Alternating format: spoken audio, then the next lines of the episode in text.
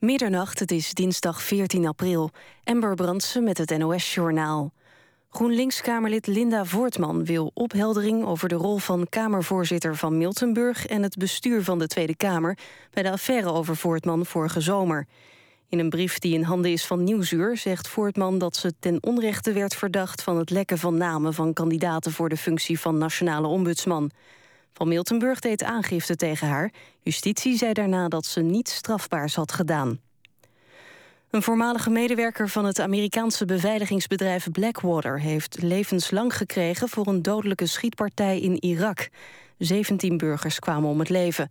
Drie andere beveiligers kregen 30 jaar cel voor het bloedbad in 2007. De vier begeleidden destijds een konvooi van Amerikaanse diplomaten in Bagdad. Toen een auto de weg blokkeerde, dachten ze in een hinderlaag te zijn gelopen... en openden ze het vuur op willekeurige burgers. Volgens Amerikaanse onderzoekers is het niet bewezen... dat de Blackwater-medewerkers daadwerkelijk waren aangevallen. In Tilburg heeft een jongen van 14 zijn vader neergestoken met een mes. De man is zwaargewond naar het ziekenhuis gebracht. De verwondingen van de man waren zo ernstig dat hij niet op een traumahelikopter kon wachten. Hij is met een ambulance met extra personeel afgevoerd. De jongen is aangehouden. In Den Haag zijn afgelopen avond de belangrijkste journalistieke prijzen van Nederland uitgereikt. De prijs voor de beste verslaggeving in 2014 gaat naar Afrika-correspondent Kees Broeren en cameraman Marco Prins. Broeren werkt voor de Volkskrant en de NOS. Ze kregen de tegel voor hun reportages over ebola. In de categorie nieuws wonnen Joep Dome en Jeroen Wester van NRC Handelsblad... met hun artikelen over NZA-klokkenluider Gottlieb. Marijn Rengers en John School wonnen in de categorie onderzoek... voor hun stuk in de Volkskrant over windmolens. Het weer, het is helder en het koelt af naar 7 tot 4 graden. Het kan hier en daar mistig zijn. Komende dag veel zon en 15 tot 22 graden. Dit was het NOS Journaal. NPO Radio 1. VPRO. Nooit meer slapen.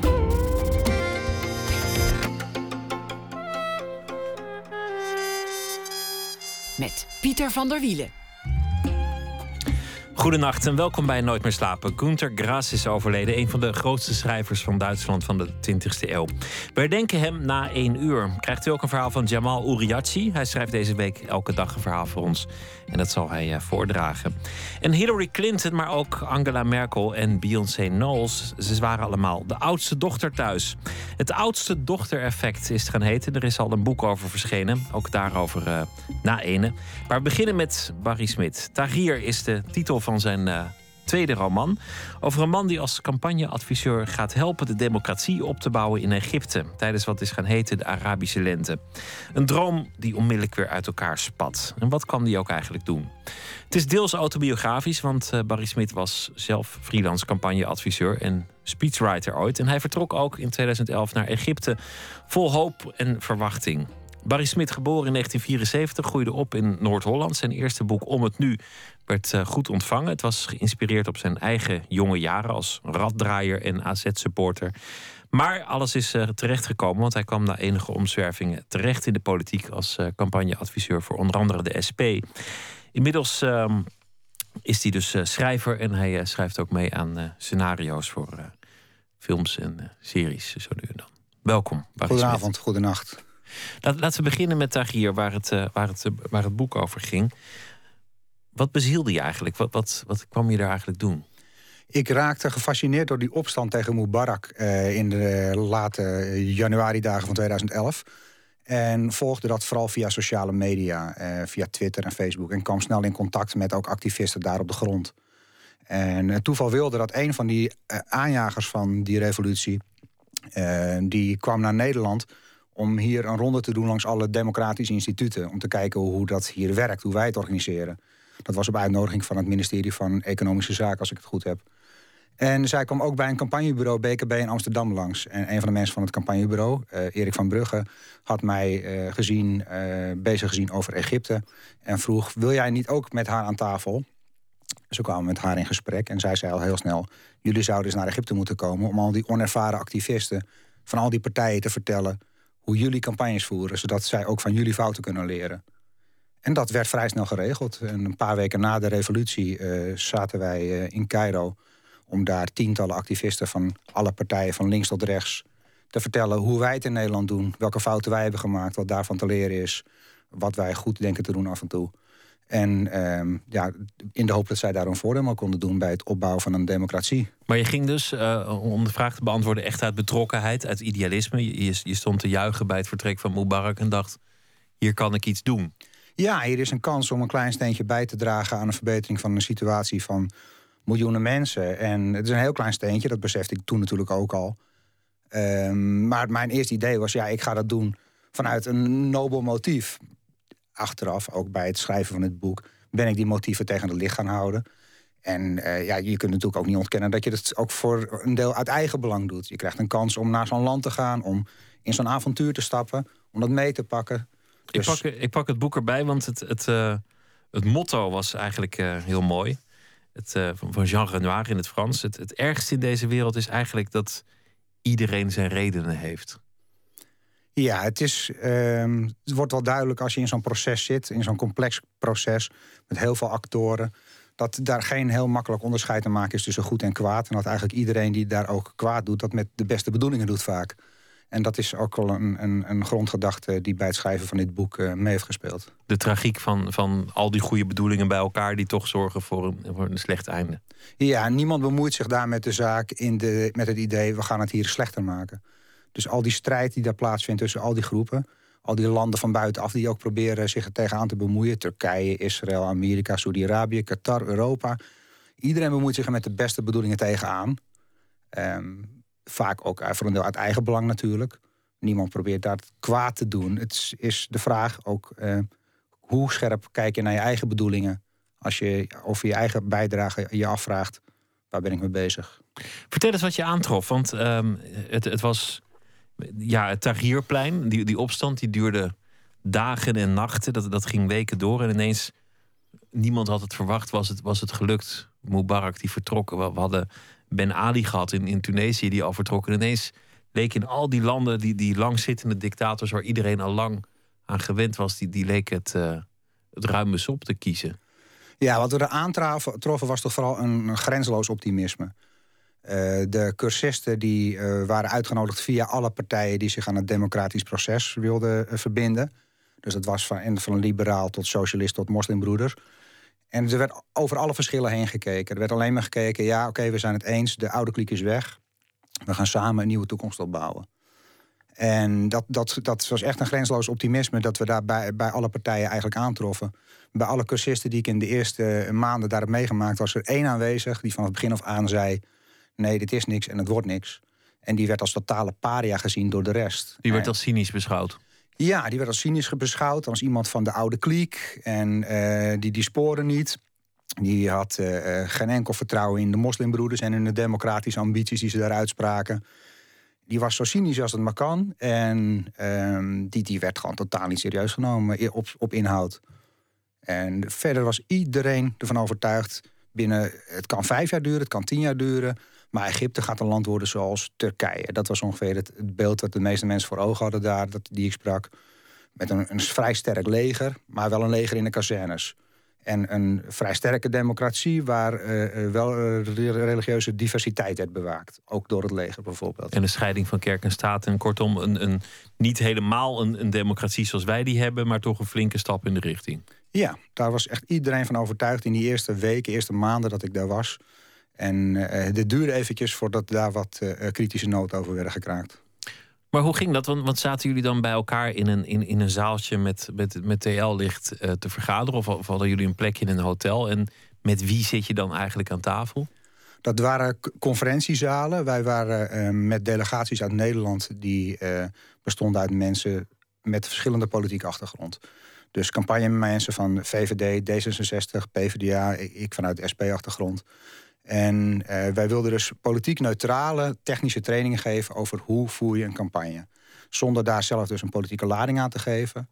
En ook uh, demonstrerend uh, dat je kunt samenwerken, want het waren ze daar totaal niet gewend als je vanuit verschillende politieke achtergronden komt. Daar is het altijd zo geweest: één iemand wint de verkiezing en de rest van de tijd moet iedereen zijn mond houden, want die hebben verloren. En wij zeiden van het begin af aan: vanaf nu af aan is het heel hoogstwaarschijnlijk dat niemand hier een absolute meerderheid gaat krijgen. En dat je altijd zou moeten samenwerken. Dus daar beginnen wij vandaag mee. Iedere, alle cursisten kwamen binnen, uh, gingen met blokjes liberalen links zitten, blokjes socialisten daar, moslimbroeders daar. En wij haalden ze uit elkaar en zetten ze in gemengde groepjes en lieten ze daar coalitiepolitiek voeren. Uh, dat was ongeveer het, uh, het, beeld. Wij waren met meestal vier trainers in een zaal met 60 cursisten per keer ongeveer. En dan gingen we drie, vier dagen lang per groep uh, van begin tot einde een, een, campagne opbouwen en proberen uit te leggen hoe wij die uitvoerden. Je romanpersonage worstelt intussen ook met zijn, zijn relatie in Nederland, uh, wordt verliefd in, in, in Egypte. gaat er ook op uit in die, in die stad, in die, die grote stad waar je, waar je verdwaalt en waar, waar, het, waar het vies is. Het is natuurlijk ook, er is natuurlijk ook echt wel een verhaal van gemaakt. Het is niet een, een persoonlijk verslag zoals jij het hebt meegemaakt. Maar wat, ik mooi vond, is dat langzaam eigenlijk die werkelijkheid ze aan alle kanten inhaalt. Dat je, dat je ineens merkt van ja, wij zitten hier een cursus democratie te geven, maar er is helemaal geen democratie en het ziet er ook eigenlijk helemaal niet naar uit dat het gaat gebeuren. Dat was best confronterend natuurlijk, om dat uh, um, te zien. Deels ter plekke en deels ook op afstand. Want als wij in Nederland waren, hielden wij wel contact met die cursisten. Die hadden zelf een Facebookgroep aangemaakt... dat mensen zelf onderling contact konden houden... maar waarbij ze ook ons vragen konden stellen over technische vragen die ze hadden. Maar ze wilden ons ook graag op de hoogte houden van de situatie daar. En we kregen op een gegeven moment dus ook eh, berichten dat er een cursist werd doodgeschoten tijdens demonstraties door iemand van de politie of het leger. Ja, dan wordt het confronterend. Dan, dan, wordt het, uh, de, dan werpt de vraag zich op van uh, hoe reëel is het eigenlijk dat hier nu vooruitgang wordt geboekt? of zijn we onszelf een beetje voor de gek aan het houden? Want het was ehm, even dat moment dat iedereen dacht: Goh, dit, dit worden allemaal democratieën, alle, alle dictators zijn weg. Maar eigenlijk gebeurden een hoop dingen anders. Nee, allereerst dat, dat leger was helemaal niet zo heel bereid om de macht af te staan. En het was eigenlijk ook dankzij het leger dat Mubarak vertrok. Maar dat deden ze niet omdat ze daarna die macht weer wilden weggeven. Maar een ander iets dat gebeurde is dat eigenlijk de moslimbroederschap toch de grootste macht, machtsfactor werd. Dat eigenlijk de religie toch uh, het won in, in, in de harten en hoofden van de bevolking. Ja, het is, uh, de moslimbroederschap was eigenlijk uh, de enige organisatie die al georganiseerd was, die al een infrastructuur had, die dus ook campagne kon voeren, die eigen media had, die begrepen hoe je analfabete bevolking moest bereiken. En de meeste andere partijen hadden daar geen enkel benul van. Dus dat gaf hen al een enorme voorsprong. Op het moment dat zij de macht grepen, Ehm, trok bij hun ook de, de, de, de, kwam bij nou ook de reflex naar boven. Wij hebben gewonnen. De rest moeten we even een paar jaar zijn mond houden. En omdat zij uh, vergaten dat zij vooral ook gekozen waren met steun van de revolutionaire krachten, de voordeels liberale, de linkse krachten. Ja, dat vergaten ze en daardoor verloren ze heel snel de steun. En uh, is de boel heel snel gaan schuiven. De leger, het leger heeft daar geweldig gebruik van gemaakt legertop uh, als Sisi, die hebben volgens mij, zover we er zicht op hebben, een geweldig schaakspel gespeeld. Uh, en dat, uh, dat, daar kan je eigenlijk bijna alleen maar met bewondering naar kijken. Hoe zij elke keer de situatie hebben weten te, aan te wenden om de eigen macht, machtspositie weer te versterken. De cynici zeiden in jouw boek: ach, deze mensen zijn helemaal niet klaar met democratie. En ach, democratie is helemaal niet een thema, want dat is helemaal niet waar, waar mensen hiermee bezig zijn. Dat is een houding van veel mensen. Hoe kun je democratie, het bestuur van een land overhalen, uh, overlaten aan mensen die, die niet kunnen lezen, schrijven, die niet weten wat een percentage is. En die eigenlijk vooral op je stemmen als jij maar roept dat zij in de hemel komen dankzij een stem op jouw uh, islamistische partij. Kortom, een, een fikse desillusie. Die, nou ja, het personage die ondergaat het ook. Ik zal niet helemaal het einde verklappen, dat is, dat is zonde van het boek. Je zei het erg is eigenlijk dat, dat niemand het slecht bedoeld, maar dat iedereen meer kwaad aanricht met al zijn goede bedoelingen. Daar lijkt ook een, een, een veranderde houding bij jouzelf in te zitten. Geloof je nog in enige vorm van internationaal ingrijpen of in enige vorm van idealisme? Ik geloof zeker in idealisme. Ik ben alleen realistischer geworden, denk ik, uh, uh, als het gaat over de, de verwachtingen die je kunt hebben. Maar ik ben ook kritischer geworden over de verwachtingen die we zelf wekken. Dat vind ik wel belangrijk. Um, kijk, ik ben ervan overtuigd dat het heel goed is geweest... dat bijvoorbeeld in Zuid-Afrika het apartheidsregime is gevallen. Alleen, ik ben ook realistisch. Het heeft geen eh, paradijs op aarde opgeleverd natuurlijk. Het is volgens mij goed dat Mubarak eruit geschopt is. probleem is alleen dat de, het middel nu eventjes erger lijkt dan de eerdere kwaal. En je moet je vooral als Westen, denk ik, en dat is toch vooral de rol waar ik ook naar gekeken heb bij het schrijven van het boek, je afvragen welke verwachtingen je kunt wekken. En waar je wel en niet mee bemoeit, dat moet wat meer publiek bediscussieerd worden, wat mij betreft. Want maar dit, we doen klinkt, maar wat. Dit klinkt bijna als Halbe Zelstra. En die kreeg, eh, nou, die kreeg uh, zo'n beetje iedereen over zich heen, omdat hij had gezegd: uh, soms moet je nou eenmaal zaken doen met dictators. Ja, volgens mij heeft hij alleen maar gedefinieerd, eigenlijk beschreven wat al 30, 40 jaar of zo de praktijk is. Ja, volgens mij doet, doet het Westen al zo lang zaken met dictators als dat er dictators bestaan. Sommigen zijn zelfs dankzij het Westen in het zadel geholpen. Maar, en gehouden, ja. En, maar desalniettemin, um, wat, wat eigenlijk zijn betoog was... al te veel idealisme is niet altijd realistisch... en ook niet altijd raadzaam. En je krijgt er niet altijd voor terug wat je had gehoopt. Nee, kijk, ik denk dat, ik denk dat idealisme net zo link is als cynisme. En dat je uh, vooral realistisch moet zijn. En ik ben er absoluut niet op tegen om idealen te hebben en uit te dragen. Ik ben absoluut voorstander van het idee van universele rechten van de mens bijvoorbeeld. Ik denk dat je daar uh, behoorlijk compromisloos op moet zijn. Ja, en dan is het natuurlijk gewoon hypocriet als je ziet dat een Bert Koenders wel mensenrechten bepleit en vooraan staat om te condoleren als er een dictator in het Midden-Oosten overlijdt, omdat wij daar oliebelangen hebben en militaire exportbelangen hebben. Ik ben er vooral voor om realistisch te zijn als het gaat om de verwachtingen die we scheppen. Het Westen heeft uh, behoorlijke schade aangericht in Irak bijvoorbeeld. En ik vind het heel begrijpelijk dat wij terughoudender zijn als het gaat om ingrijpen in landen als Syrië bijvoorbeeld. Ik denk dat we eh, als Westen onze lessen moeten leren en dat we uh, terughoudend moeten zijn met het wekken van grote verwachtingen. Omdat als we dat niet waarmaken, we vooral frustraties aan het kweken zijn die op ons terug gaan slaan. Nou ja, kijk, het, probleem is dat als je, als je niet ingrijpt, dan zegt iedereen uh, er is een drenkeling en de mensen staan op de kade te, te kijken als je wel ingrijpt, dan meng je in een conflict waarvan je de uitkomst niet kent. En, en je weet eigenlijk niet wie wie is. Je zult ook niet op, met dogma's kunnen kiezen. Je, je zult elke keer maatwerk. ja, precies. Dan, dan, ontstaat er weer een, een plek waar allerlei uh, met kan overnemen die zich weer tegen jou kunnen keren. Dus het is ook weer eigen belang. Exact. Het is altijd maatwerk uit opzoeken. En ik ben er ook helemaal niet voor om nieuwe dogma's te, te, formuleren. Want als je zoals in Egypte uh, je handen ervan aftrekt als Westen, dan geef je vrij spel aan de Saoedi's en de Qataris die daar proberen daar islamistische strenge dictaturen te vestigen. Dus uh, ik ben absoluut niet voor dogma's. En ik ben ook niet van plan geweest. Ik heb ook niet geprobeerd om in Tahrir antwoorden te geven op deze vragen.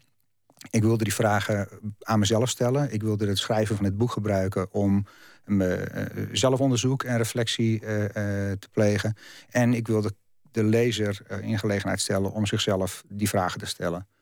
Dus en uiteindelijk gaat het, want dat is in literatuur natuurlijk ook het, het, persoonlijke vermengt zich met de geschiedenis. Dit is een jongen die daar eigenlijk ook ja, zelf verliefd wordt en zelf op de vlucht is voor vragen die hem beheersen in zijn eigen leven. Dus hij zit er ook met zijn eigen bedoelingen op, op een historisch moment en eigenlijk een, een vreemd scharnierpunt in de geschiedenis.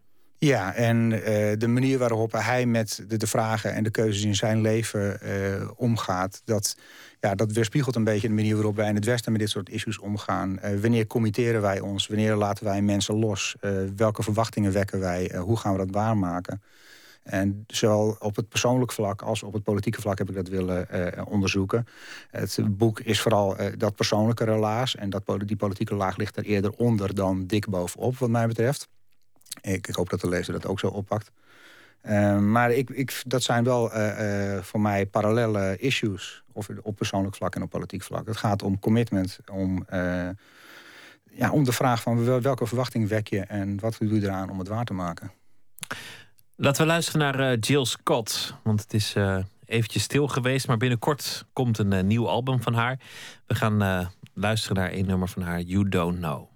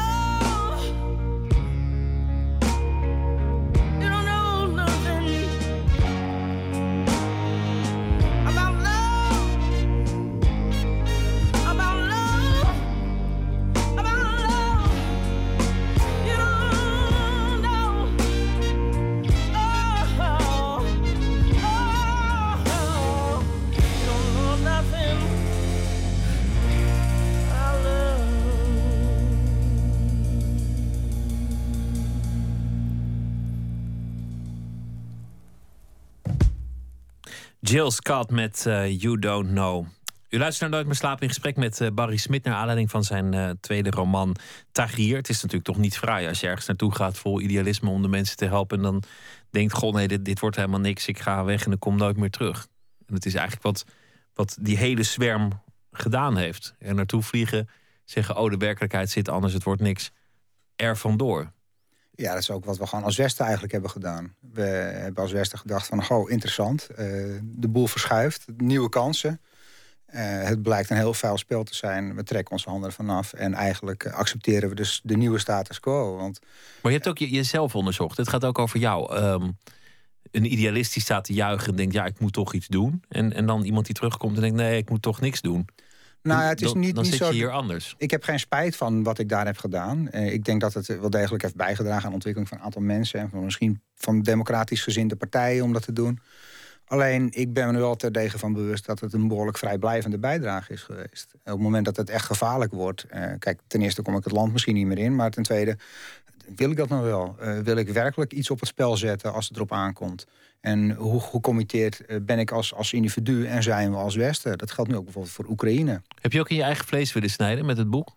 Ja, ik heb, ik heb ook gewoon de, de, de mindere kanten van mijn eigen karakter tegen het licht willen houden en willen uitlichten. Die heb ik voor een deel uitvergroot in de karakters, in in het, in het eh, hoofdpersonage in het boek. Dus, eh, dus wat zijn dat? Eh, laf, hypocriet? eh, Ja, precies. Eh, eh, ik wil mijn eigen hypocrisie ook onder ogen zien en mijn opportunisme. Want eh, ja, ik ben ook een mens, ik ken die, die, die kanten ook. En eh, ik wil er ook gewoon zelf kritisch op zijn om, om daarvan te leren. Dus dat, dat is ook meegekomen bij het, dus boven komen drijven bij het onderzoek, ja.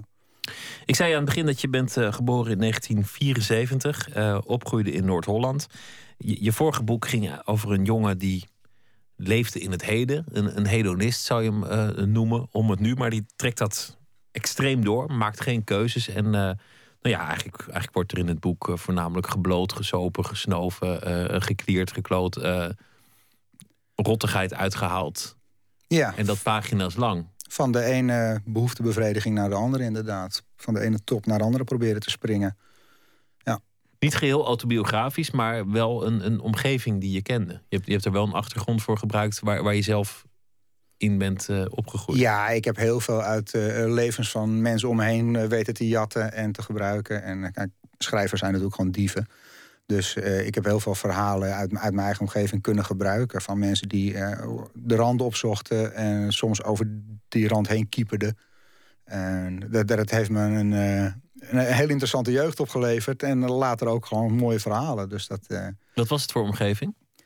nou ja, kijk, ik ben opgegroeid in een forense dorp Heilo. Dat is een vrij beschermde omgeving waar iedereen gewoon op straat kon spelen veilig.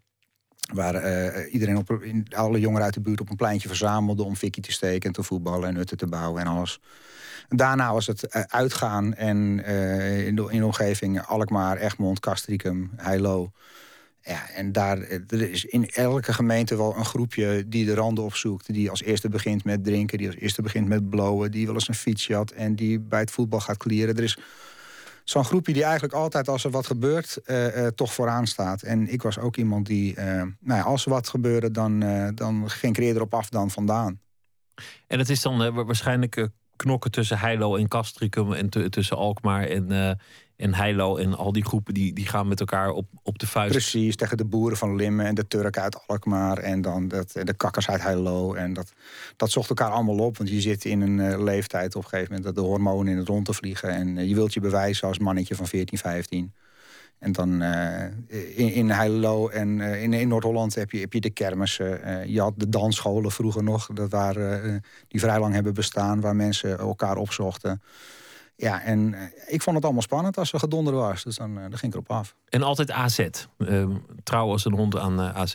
Ja, ik ben vanaf mijn elfde ongeveer naar AZ gegaan. En daar er, ja, ik ben ook geen hooligan geweest of zo... die daar met, met stenen naar mensen een kop liepen te gooien... of mensen wilden neersteken of dat soort wilde dingen. Maar als er gedonder was met de politie of zo... Ja, dan, dan ging ik er toch weer op af en liet ik me nog eens meeslepen. Ja, ja. Een beetje dealen, een, een, een beetje een, eh, een, een wietplantage. Ja, eigenlijk is iedereen altijd wel met zaakjes eh, in, in de weer in het, in het boek. ja ik ben, ik ben beschrijf nooit zo'n ondernemer geweest. Dat heb ik echt Oh, uit de levens van vrienden gejat eh, over het algemeen. Maar je, je, Ja. je beschrijft het overtuigend. Ik bedoel, dit, dit is niet, dit is niet een, een antropologische studie die je uit, uit de kranten hebt gehaald. Het is een omgeving die, je- die je echt gezien hebt. Ja. Wat, wat dat personage interessant maakt, is dat hij elke keuze vermijdt in zijn leven. Alles waar je je aan zou kunnen verbinden, committeren, dat, dat, dat, wordt vermeden. Tegen elke prijs. En zo moet dat leven vooral in dat heden blijven. Lekker Ja. genieten. Het is inderdaad vooral consumeren en naar de eerstvolgende behoeftebevrediging zoeken. Of het nou uit drugs is of seks of geweld. eh, wat adrenaline oplevert. Eh, er moet gewoon eh, genoten worden vooral. En wat ik in dat boek heb willen schetsen is het genot dat dat oplevert. Maar uiteindelijk ook de leegte erachter. En dat, dat, zou, het had zomaar een leven kunnen duren, of niet? Ja, ik, eh, ik ken mensen voor wie dat een leven heeft geduurd... omdat ze niet verder zijn gekomen dan eh, begin twintig bijvoorbeeld. En in, eh, letterlijk uit de bocht zijn gevlogen tijdens een stappen en dergelijke. Dus dat, dat was een optie geweest. Maar ik ben betrekkelijk bijtijds eh, op een redelijk recht pad terechtgekomen. Wat, eh, wat deden je ouders? Wat, wat, eh, wat voor gezin was het? En eh, ja, ja, ik zou bijna zeggen forense gezin. Een gegoede middenklasse. Mijn vader werkte bij de Forbo en Krommenie als marketingmanager. Mijn moeder werkte bij Crawford als secretaresse in Heerdegewaard. En ja, niks op aan te merken. Totaal stabiel gezin, liefdevol. En met twee broers die ook, net als ik, al- allemaal wel eens randjes hebben opgezocht... maar goed terecht zijn gekomen. Dus eh, ja, een eh, bijna ideale jeugd zou ik zeggen. En toch bijna ontspoord. Of althans, nou ja, een, een aantal jaar flink langs de rand gezweefd. de, de, de vrijheid gekregen om eh, mezelf te ontdekken. En die, al die vrijheid genomen, daarin ook wat te ver gegaan. Maar ja, uiteindelijk toch ja, redelijk goed terechtgekomen. Wat was het moment dat, dat, je, het, dat je het? Dat je dacht, oh, dit, dit, dit wordt niet mijn leven, hier heb ik niks te zoeken. Ja, ik denk dat ik toch. Eh, ja, ik vrees dat ik toch ambities kreeg op het gebied van schrijven bijvoorbeeld. Ik, eh, ik had de MAVO afgemaakt, ik had de HAVO afgemaakt. Ik hing wel op het HBO rond, maar ik deed daar niks. Ehm, en ik wilde aan het werk, ik wilde eh, de, de wereld in als journalist of zoiets. Dus ik ben toen maar freelance uit mezelf stukken gaan schrijven. En gaan aanbieden bij kranten en bij de Groene Amsterdammer en bij de Sportweek. En zo een portefeuille opgebouwd portfolio opgebouwd. En daarmee gaan solliciteren bij een reclamebureau als tekstschrijver. En puur op mijn sollicitatie aangenomen. En zo van het een naar het andere gerold eigenlijk. Toen ben je de, de politiek ingekomen. Je had het er net al over. Er zijn, er zijn nou eenmaal bepaalde universele regels voor een, eh, voor een campagne. Hoe doe je dat eigenlijk? Hoe, hoe kwam je daar terecht? Dat is wel een raar verhaal. Ik was samen met een eh, goede vriend van mij, Serge van Duinhoven, bezig om een opinieartikel te schrijven voor de Volkskrant. Dat ging over de Joegoslavië-oorlog die toen speelde. Hij zei: laten we eens langs gaan bij een kennis van mij, eh, Willem Oltmans. En is journalist uit Amsterdam. Gewoon eens met hem te praten hoe hij tegen die dingen aankijkt. En dat ik altijd lekker met bekvechten met die vent. Dus ik ben bij hem op de koffie gegaan met, eh, met Serge. En eh, we hadden meteen een hele goede klik. We konden ontzettend goed ruzieën. En dat zijn we eh, eh, nog een lange tijd blijven doen. We zijn bevriend geraakt. En hij heeft op een gegeven moment, zonder mij iets te vragen... gewoon een briefje naar Jan Marijnis gestuurd. Ik heb iemand ontmoet, die zou jij ook moeten ontmoeten... want die zit bij jou op de lijn. En daar zou je iets mee moeten doen. Dus ik kreeg een uitnodiging van Jan Marijnis... zou je eens op de koffie willen komen. Oké, dat heb ik gedaan. En eh, binnen drie kwartier zaten we met de, de voeten op tafel over voetbal en Formule 1 en de politiek te praten. En had ik een baan. Je, hebt eh, veel gedaan, van, van 2002 tot 2009 bij de SP. Boelige tijd, heel veel eh, verkiezingen, ook gloriejaren voor die partij. Veel verkiezingen die ook steeds voor de SP goed uitpakten. Je was eh, perswoordvoerder, speechwriter. je bent een niet echt campagneleider geweest, maar wel in de buurt. Nou ja, eigenlijk mediacoördinatie, dat soort dingen. Dus allemaal wel belangrijke posities ingenomen al die jaren. Ja, ik heb daar een geweldige kans gekregen om, eh, om iets bij te dragen aan een, een club waar ik eh, eh, toen, vol, toen vol overtuiging in ben gestapt. Op het moment dat ik het belangrijk vond om, om de mond open te trekken. We hadden de Afghanistan-oorlog, de Irak-oorlog kwam eraan. En ik vond het echt weer tijd om positie te bepalen. En we hadden ook al die privatiseringen achter de rug waar ik echt helemaal niks van vond. Ik was als eh, snurkend PvdA-lid, eh, had ik mijn lidmaatschap opgezegd omdat ik klaar was met die partij. Dus ik was gewoon ideologisch, eh, was ik al richting de SP geschoven. En zij kwamen met een vraag op het juiste moment. En ze zeiden van, ga aan de gang en we zien wel waar het eindigt. Ik, ik heb een geweldige kans gekregen en ja, daar prachtige jaren gedraaid.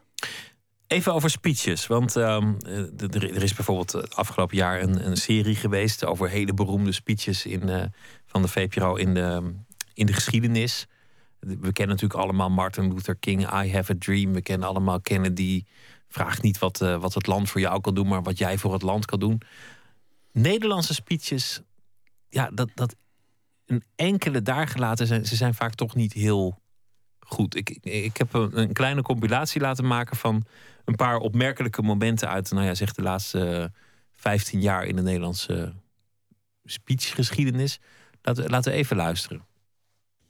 En u weet, hè, als je links het beheer zou geven over de Sahara, wat er gebeurt. Binnen het kortste keer is het zand op. Ik zeg het eh, Dries van Acht maar na. Wij buigen niet naar links. Wij buigen niet naar rechts. Wij zijn realisten met een hart. Wij zijn gewoon leefbaar Nederland. Dames en heren, met het uitspreken van deze reden... aanvaard ik volgaarne het lijsttrekkerschap van Leefbaar Nederland. Ik heb er alle vertrouwen in u. Ik heb er zin aan. At your service. Ik ben niet links, ik ben niet rechts, maar ik ben recht door zee. Ja, Rita Verdonk als laatste, eh, Pim Fortuyn in het midden en, en eh, eh, Mark Rutte. Pim Fortuyn, daarvan kan- je zeggen, nou, dat is bij iedereen blijven hangen. Dat at your service, dat is, dat, dat is een, een, een zin. Iconisch. Iconisch is die geworden. Dus dat is in die zin een geslaagde speech geweest. Ook, ook een omdraaiing. Ik sta ten dienste van u en niet u eh, van mij. Nou ja, goed, tussen die partij en hem ging het niet zo heel lang goed. Maar in, in al die speeches zit toch een zekere mate van lulligheid. Ik wou precies hetzelfde woord gebruiken, inderdaad. Er zit een bepaalde kneuterigheid in. En dat is omdat er eh, ja, door, door mensen eh, geprobeerd wordt om een hele grote speech neer te zetten. Door, door, ze willen eigenlijk allemaal willen een Kennedy of een Martin Luther King neerzetten. Ja, ze zijn het niet. En eh, wat speeches gewoon goed maakt, is oprechtheid. Dat is echt de kern van waar je naartoe moet gaan. Als je kijkt naar eh, twee speeches, twee korte speeches uit de recente geschiedenis, die voor mij wel het verschil tussen, tussen goede en slechte speeches weergeven, dan is het eh, koningin Elizabeth in Engeland in reactie op de dood van prinses Diane. Zij leest een tekst voor. En je hebt alles het gevoel, ze meent het niet, ze moet dit doen omdat ze onder druk staat. En daarnaast heb je de speech van koningin Beatrix eh, na de aanslag in Apeldoorn. 46 seconden. Uit de grond van haar hart. En, eh, Met die zucht aan het begin. met die zucht aan het begin. Weet je, het is bijna niet te forceren, oprechtheid, maar het is wel doorslaggevend. En je ziet dat als er een speech wordt gegeven van Mark Rutte, die begint over Sahara-zand en inkomensafhankelijke krentenbollen. Je merkt aan alles, hier wordt geprobeerd een mediamomentje te creëren. En een, een zaal even aan het lachen te maken. Maar het was een beetje corporaal eigenlijk. Ja, maar dat is, dat is de cultuur bij de VVD. Ja, maar ik, ik dacht, god, dus dan sta ik toch in, in, in de sociëteit en, en niet naar, naar een staatsman te luisteren. Dat is zo. En dat is, dat zul je, als je bij de SP een, een, een speech hoort, dan zal het wat eerder arbeideristisch klinken. En dan zullen mensen uit de, de, de gestudeerde mensen zich wat minder aangesproken voelen. Dus ze schrijven ook naar hun publiek toe. Ja, de- Maar- aan, aan ter linkerzijde zijn ook hele slechte speeches hoor. Dit, dit waren toevallig Ja. alle, alle drie rechtse eh, voorbeelden, maar linkse speeches zijn minstens zo erg. Ze duren alleen vaak wat langer. Ja. Ja. Ja, absoluut. Maar ze zijn alle, allemaal. eh, eh, ze slagen als ze oprecht zijn en ze falen als het eh, geforceerd is. Dat is eigenlijk wel de kern van de analyses van speeches. Hoe ziet dat beroep eruit? Want je, je hebt dat best lang gedaan. Sinds dit boek weet ik dat je, dat je goed kan schrijven. Maar schrijf je dan helemaal de speech voor iemand anders? Of gaan daar heel veel mensen overheen? Wat was jouw taak daarin? Meestal is het zo dat degene die de speech moet uitspreken een tekst schrijft die veel te lang is. Eh, waarin hij opschrijft welk onderwerp hij in bod wil hebben, wat hij gezegd wil hebben. Dan wordt het meestal rondgestuurd naar een twee of drie adviseurs die zeggen: Nou, laten we dit onderwerp een andere keer doen. Laten we dit onderwerp iets meer aandacht geven. Dan dan wordt de compositie van de speech bepaald. En dan moet worden bepaald dat hij waarschijnlijk de helft korter moet. En dan was het meestal aan mij de taak om die teksten eh, compacter te maken zonder inhoud te verliezen. En eh, vooral om, om te schrijven met de stem, vanuit de stem van degene die het moet uitspreken. En dat is eh, eh, de, massa gehad die ik had met eh, het werken voor Jan Marijnissen. Dat we, als het gaat om de, de tone of voice, behoorlijk op één lijn zaten. Waardoor het makkelijk werd voor mij om te schrijven. En om mee te denken. Maar kijk, Jan Marijnissen is ook iemand die een speech gewoon in zijn eentje kan schrijven. Of een speech kan wegleggen en het helemaal uit zijn hoofd kan doen. Andere Kamerleden die, die hebben geen tekstgevoel. En die komen met een enorme lab met heel veel inhoud en veel percentages en bedragen. En dan moet je dan proberen een menselijk verhaal van te maken. Dan moet je dan weer heel anders aanpakken. Kortom, een, eh, je, je bent ondersteunend, maar jij probeert het gewoon toegankelijk te krijgen. Jij probeerde eigenlijk dat, dat publiek er weer bij te krijgen. Je, je probeert het optimaal te maken. En dat doe je voornamelijk door het zo compact mogelijk te maken. Door het begrijpelijk te maken. Door te appelleren op zowel gevoel als verstand. En eh, vooral door inderdaad ondersteunend dienend te zijn. En eh, de, de, de spreker ja, dicht bij zichzelf te laten spreken. Ehm, ook door vragen te stellen in dat schrijfproces. Van oké, maar eh, schakel eens terug uit dit verhaal. Voor wie doe je het ook alweer?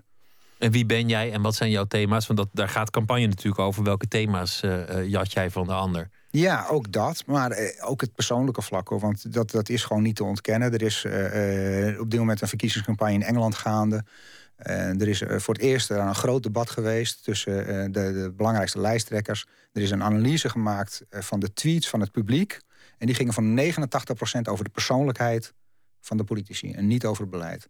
Dus er wordt vaak gezegd dat politici veel te veel met vorm en met eh, eh, persoonlijkheidsverheerlijking bezig zijn en te weinig op de inhoud zitten. Maar ja, dat is waar het publiek gewoon het meest op reageert. Dus dat element moet er ook in zitten, de persoonlijkheid. 2002, 2009 was dat eh, bij de SP. Je, beschrijft in Tagier ook een, een personage die ook wel een beetje politieke ambities heeft. Die ook eigenlijk achter de schermen in dat circus meedraait. Dat wekt ook een verslavende indruk. Die adrenaline, het, het, eh, de constante spanning en aandacht. Het, het feit dat het elk moment mis kan gaan. De misstap die tot, tot een, een schandaal of een huilende minister leidt. Ja, het is ook eh, een geweldig wereldje om in te werken als je, het, als je met een leuke club mensen bezig bent. Ik ken eh, op dit moment, ik, ik ken mensen die, die eigenlijk bij alle partijen ken ik mensen. Ehm, bij de ene partij is het gewoon veel leuker werken dan bij de andere. Dat scheelt ook een hele hoop. En ik heb echt massa gehad dat ik in een club zat waar ze elkaar niet de tent uitvochten. Dat maakt er ook heel prettig werken. Maar het ging ook goed, dus er was ook weinig reden om te vechten. Ja, dat, dat maakt het ook. Ja, goed, dat maakt het ook, eh, dat maakt het ook absoluut leuk. Maar eh, het is ook inderdaad de kick van het bedenken van een idee, het, het voorleggen en het zien dat er iets mee gebeurt. Want het is heel simpel. Als je in de positie zat waarin ik zat... eh, of je bent medewerker van een Kamerlid... je bedenkt op zaterdagavond een goed idee. Je mailt het naar je Kamerlid. Hij werkt het zondag uit en eh, dinsdag legt hij het voor aan de Kamer. En het kan, donderdag kan het aangenomen zijn. En je kunt er gewoon binnen een week een goed idee van jezelf... eh, eh, werkelijkheid zien worden. Of je ziet een, een, een, een manier eh, om een idee van een ander onderuit te halen... omdat het niet deugt. En je ziet dat dat in de praktijk wordt opgepakt. Dat is ook geweldig om te doen. Je personage worstelt. Kamerlid worden, geen Kamerlid worden. in, in de politiek blijven of, of niet. ja, die, die aandacht, de haatmail. Want er zit natuurlijk ook heel veel narigheid aan als je echt in de schermen komt. Is, is dat voor jou een worsteling geweest? Nee, totaal niet. Ik heb, eh, ik heb daar geweldige jaren mee gemaakt. Maar ik heb nooit een persoonlijke ambitie gehad om de politiek in te gaan. En, waarom ben je gestopt? Ehm, omdat ik na zeven jaar wel op was. Eh, en ja, ik was gewoon, ik was gewoon leeg. Want eh, op dit moment werken er geloof ik vier mensen op de afdeling communicatie bij de SP. Ik deed het de eerste jaren in mijn eentje. En dat was gewoon gekke werk eigenlijk. Bovendien eh, is het behoorlijk hard werk in de politiek. Dat wordt wel eens onderschat. En in verkiezingsjaren telt het dubbel. En we hebben in de zeven jaar dat ik er zat, geloof ik, acht verkiezingen. En het referendum over de Europese grondwet gehad. Dus dat was, waren tropenjaren. En als er dan in de persoonlijke eh, levenssfeer ook nog iets eh, misloopt, ja, dan, dan is er een moment dat je zegt: van, weet je wat, we zetten er een punt achter. Wat heb je geleerd als, als speechschrijver dat je gebruikt in je romans? Vooral het zo compact eh, mogelijk schrijven. Zoveel mogelijk zeggen met zo min mogelijk woorden. Want meestal kwamen Kamerleden op mij af met een, eh, bijvoorbeeld een opiniestuk... eh, dat ze in de Volkskrant of de NRC wilden hebben. eh, en dat was dan 1200 bladzijden. Dan zeggen ze, ja, ik mag het plaatsen... maar dat moeten 600 woorden worden. Dus of je er de helft van wil maken zonder inhoud te verliezen. En dat was dan mijn taak. En dat heb ik eh, dag in dag uit gedaan daar eigenlijk. Omdat politici eigenlijk altijd te lang van stof zijn. En daar heb ik als schrijver echt ontzettend veel aan gehad. Howling Wolf, eh, die, eh, die beschreef het als eh, iedereen is aan het vechten voor een spoenvol, voor een lepeltje. Met, nou ja, waar ze ook maar naar op zoek zijn. Spoonful, hier is Howling Wolf.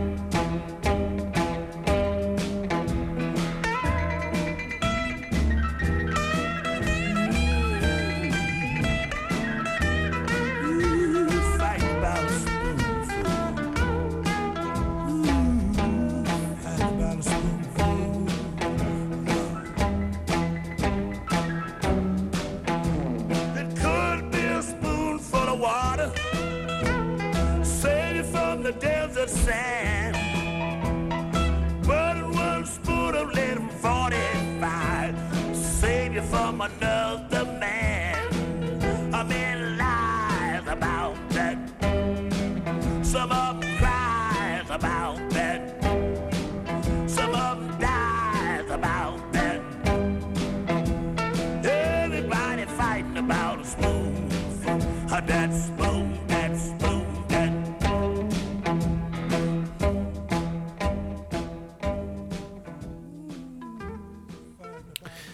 1960, eh, Howling Wolf met het nummer Spoonful. Barry Smit zit tegenover mij. Hij is eh, eh, schrijver. Hij was ooit eh, campagneadviseur. En daarvoor was hij AZ-hooligan. en Nee, nee, nee, dit is overdreven. Ik was geen AZ-hooligan. Ik was hoogstens een meeloper. Sensatiebelust. nou, oké. Sensatiebeluste meeloper maken we, maken we ervan. Je vertelde net over, over de, de jaren die je hebt meegemaakt in de politiek. En wat je mooi vond aan het vak. Het was natuurlijk in onze Nederlandse democratie ook een hele interessante tijd. De, de, de LPF, eh, de, de chaos die dat achterliet. De, de ene keer, het ene jaar won de PvdA de verkiezingen, terwijl ze het jaar daarvoor ongelooflijk op hun donder kregen. En dan twee jaar later waren ze weer volledig gedecimeerd. Dus het, het, het was heel. ehm, Geen zwevende, maar stuiterende kiezers. Stuiterende de kiezers. Heb je, heb je nog vertrouwen sindsdien in, in de democratie als, als arena waar problemen worden opgelost? Ik ben ervan overtuigd dat eh, democratie de minst beroerde manier is om een samenleving te organiseren. Dat, dat ben ik met je eens. Maar, dat is toch iets anders dan dat je denkt van goh, nou, dat, dat, daar, daar gebeurt het. Nou, ik, ik heb geen eh, overdreven eh, verwachtingen daarvan. Kijk, ik vind ook dat eh, zowel de markt als de staat... het zijn beesten die getemd moeten worden. Dus ik, heb daar, ik, heb geen, ik ben geen socialist met huisverwachtingen of zo. Weet je? Dat, dat, dat valt mee. Ik denk dat ik wat dat betreft wel vrij realistisch ben. Maar ik denk dat het eh, kijk, hoe belangrijk het is om, om zo'n minst beroerde vorm van organisatie overeind te houden... merk je als je dus in landen komt waar dat niet zo is, waar het niet zo werkt. Waar, nou ja, neem Egypte, waar net iemand drie jaar gevangeniscel heeft gekregen, gevangenisstraf heeft gekregen, omdat hij op Facebook zei dat hij atheïst was. Kijk, als je in zo'n onvrije samenleving komt, dan leer je wel te waarderen dat die vrijheid toch wat meer waard is dan, eh, dan je hier alledags, eh, alledag aanneemt. Ja, eigenlijk al die landen waarvan we dachten dit worden nu eh, prachtige democratieën met een, eh, met een gunstige afzetmarkt. Dat zijn nu landen waar je eh, stokslagen krijgt omdat je met de buurvrouw hebt gezoend of omdat je een keer bent vreemd gegaan. Nou, dat, dat is ook weer een iets te radicale conclusie, want het is in Tunesië gaat het best aardig. Eh, daar is, eh, Oké, Tunesië gaat het best aan. Ja, en de belangrijkste reden daarvan is toch dat Tunesië voor de landen eromheen eh, vrijwel niet relevant is. Want Egypte is strategisch van groot belang. Dus daar bemoeien de Amerikanen, de Israëli's, de Turken, de Qatarische, Saoedi zich mee. Tunesië is van niemand van belang. Dus die kunnen zich eventjes rustig ontwikkelen. En ik denk dat zij laten zien dat je wel degelijk gewoon een goede transitie, transitie kan maken van een autoritair regime naar een democratie. Wil dat zeggen eigenlijk ehm, eh, dat, nou ja, je, je, je, was een voorvechter van je eigen idealen en, en nu ben je dan wat eh, realistischer, maar ja, vroeger had je zelf gezegd cynischer geworden. Wil je zeggen dat je daarmee ook, ook eigenlijk naar een, beschouwer, een beschouwende rol bent gegaan en dat dat ook de reden is om uiteindelijk het schrijverschap te verkiezen? Kijk, ja, je hebt gewoon een andere rol. Ik eh, heb jarenlang in de politiek gezeten om standpunten te verkondigen en mensen daarvoor te winnen. En als schrijver, kijk, ik beschouw mezelf toch in eerste instantie nu als schrijver. Ook al verdien ik daar niet in eerste instantie mijn brood mee. Het is wel gewoon wie ik tot in mijn vezel ben. Ik beschouw mezelf als iemand die vragen stelt over het leven, over de mens. En eh, ja, dat is, een, dat is een andere rol. Maar je hoeft geen mening eh, te hebben, je hoeft geen stelling te nemen, je hoeft niet met een oplossing te komen. Nee, ehm, maar dat betekent niet dat je vragen eh, moet laten, kunt laten liggen. Dat betekent juist dat je je vragen moet blijven stellen. Alleen je bent iets minder gedwongen om snel conclusies te trekken. En dus kan je langs de zijlijn staan, bedoel je? Ehm, ja, langs de zijlijn staan heeft een negatieve connotatie. Dat is alsof, alsof je niet, niets doet, alsof je je niet inzet. Maar door het stellen van vragen stel, zet je jezelf net zo hard in als iemand die heel erg overtuigd antwoorden aan het bieden is. Je bent al bezig met een eh, derde roman. Waar gaat die over? Die gaat ehm, wederom over het, maken en het uitstellen van keuzes in de kern. Hij speelt zich af in eh, De Beemster en de Schermen. Dat wordt een heel erg Noord-Hollandse roman. En die gaat over de, de vraag in hoeverre de wereld om ons heen nou wel of niet maakbaar is. En eh, of we thuis moeten blijven of toch moeten vertrekken. Dat zijn een beetje de kernvragen van het derde boek. Dat zijn, Maar dat heel- vragen die eigenlijk steeds bij jou terugkomen. Hè? Van, van, ehm, maak je keuzes? Welke keuzes eh, hebben eigenlijk zin? En, en is het wel maakbaar? Of is het iets wat je, wat je overkomt? Ja, dat zijn kennelijk de, de, keuze, de, de, de, de vragen waar ik zelf mee bezig ben. Die in jouw leven ook altijd een rol hebben gespeeld. Ja, of, of in mijn, mijn levensfase op dit moment inderdaad. Ja, want kijk, ik ben nu net drie, vier jaar aan het schrijven. Dus het kan zijn dat ik over vijf jaar met totaal andere vragen bezig ben. Maar op dit moment zijn dit de vragen die me bezighouden. Hoe verhoud ik me tot de wereld? Welke verplichtingen ga ik aan? Welke niet? En wat zijn de consequenties van alle keuzes? En welke verplichtingen ga je aan en welke verplichtingen ga je niet aan? Je bedoelt van, ehm, stap ik het grote mensenleven in... of eh, blijf ik nog een tijdje lekker freewheelen? Dat voor een deel, maar ook committeer ik me aan, aan, aan verhalen of idealen of organisaties die groter zijn dan ik zelf. Eh, politiek engagement, dat soort zaken. Maar ook bijvoorbeeld journalistiek engagement gaat in mijn volgende boek aan de orde komen. Dus ja, dat, dat, zijn, dat zijn blijkbaar de vragen die op dit moment eh, op eh, 40-jarige leeftijd bij mij passen. Ja, dat is wel interessant. Je, je, je had je volledig gecommitteerd aan, aan de zaak van de SP. En nu denk je van ja, moet ik me eigenlijk wel ergens aan committeren? Of, of wil ik op eigen benen staan? Moet ik, moet ik me eigenlijk wel aansluiten bij, bij een clubje? Ja, of, of vloekt dat überhaupt? Dat ook. Maar dat zijn. eh, eh, ja, de, de, het is voor een deel is het een, een, blijkbaar ook een, een eh, ontwikkeling in mijn eh, ideologische eh gedachten.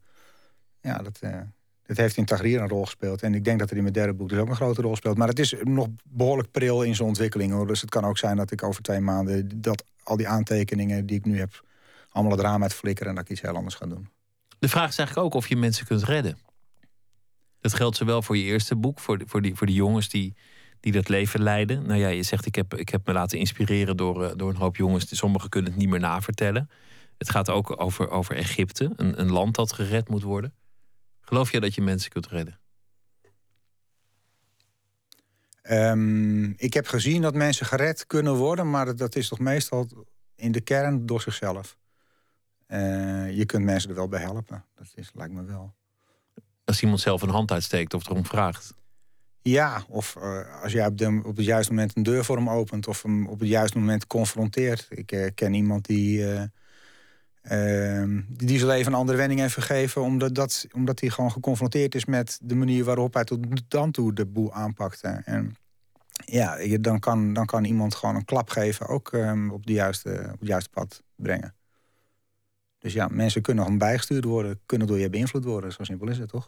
Ja, want, want realisme is, is zelden iets waar, waar, waarvoor geapplaudisseerd wordt. Zeg van nou ja, iedereen moet zichzelf redden. Je kan een beetje helpen, maar veel kan je ook niet doen. Is niet, niet een levenshouding waar, waar je doorgaans de handen voor op elkaar krijgt. Nee, omdat mensen die die houding aannemen ook heel vaak afglijden naar cynisme. En ja, er is ook weinig bewonderenswaardig aan cynisme. Omdat cynisme misschien ook wel de makkelijkste grondhouding is om te hebben als mens. Hoe zou je je huidige levensfase omschrijven? Het kwam een paar keer langs dat je zei: ik, eh, het punt waar ik nu sta in mijn leven, of eh, na bepaalde dingen die zich hebben voorgedaan en et cetera. Wat, eh, hoe, hoe zou je het noemen?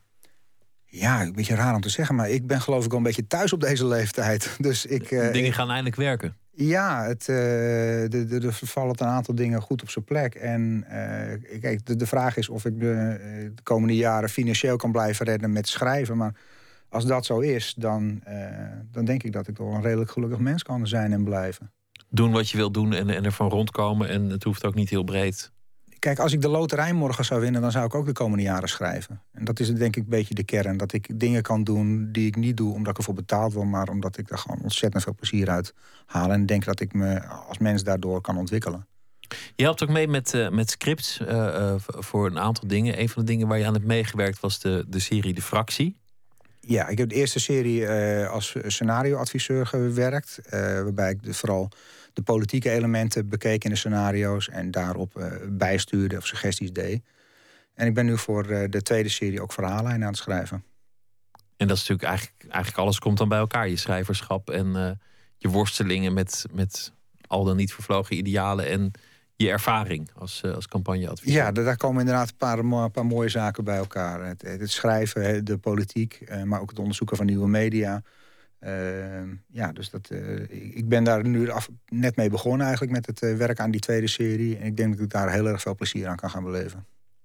Ik wens je heel veel succes ook met het, eh, met het volgende boek. En dank dat je te gast wilde zijn, Barry Smit. Dank je wel voor de uitnodiging. En de titel van het boek is Tahrir. We gaan luisteren naar My Baby met het nummer Hidden from Time.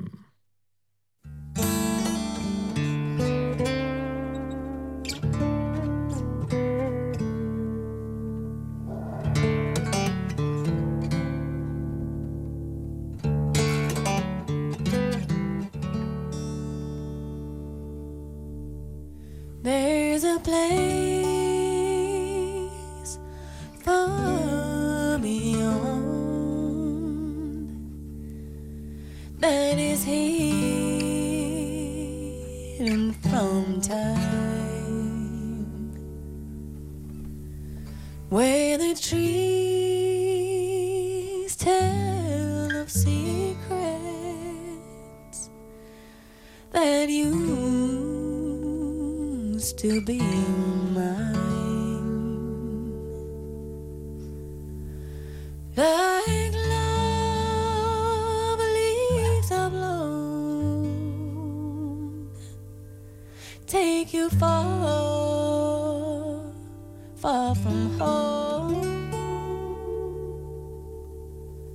Cross the bay to the shore where I long to be once more.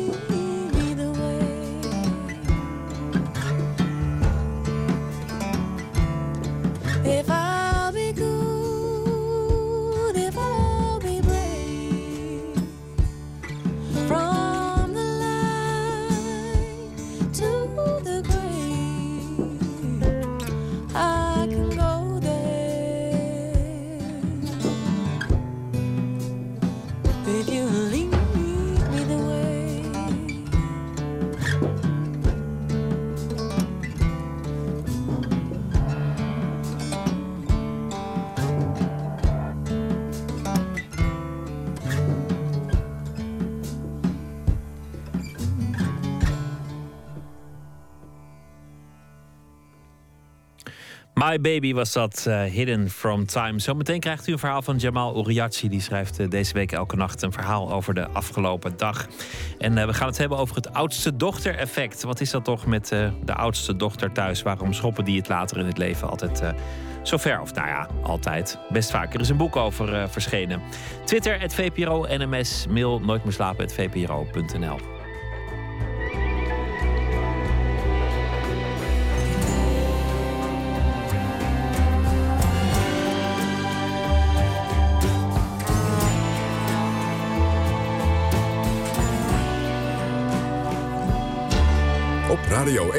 Het nieuws van alle kanten.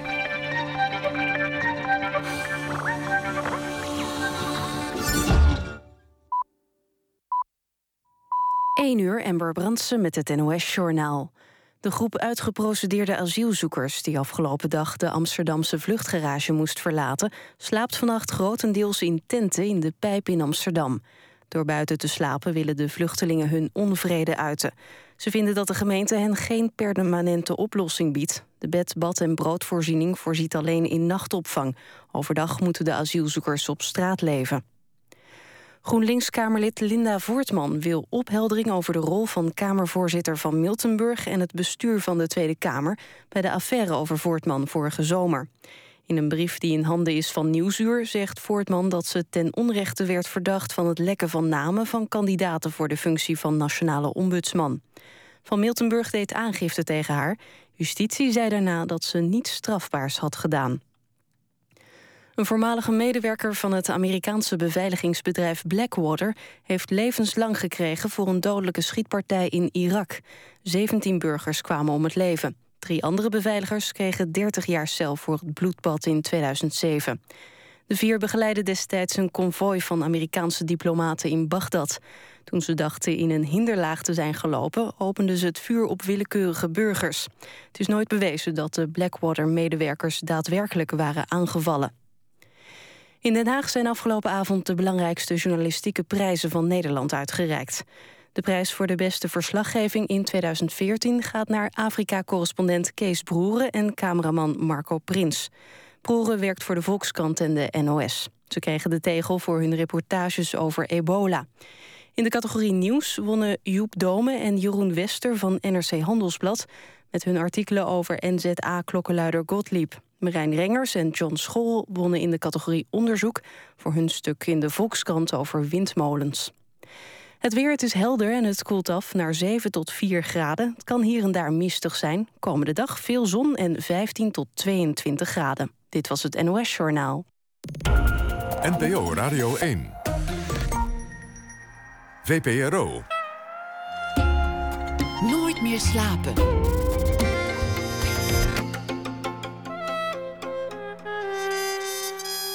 Met Pieter van der Wielen.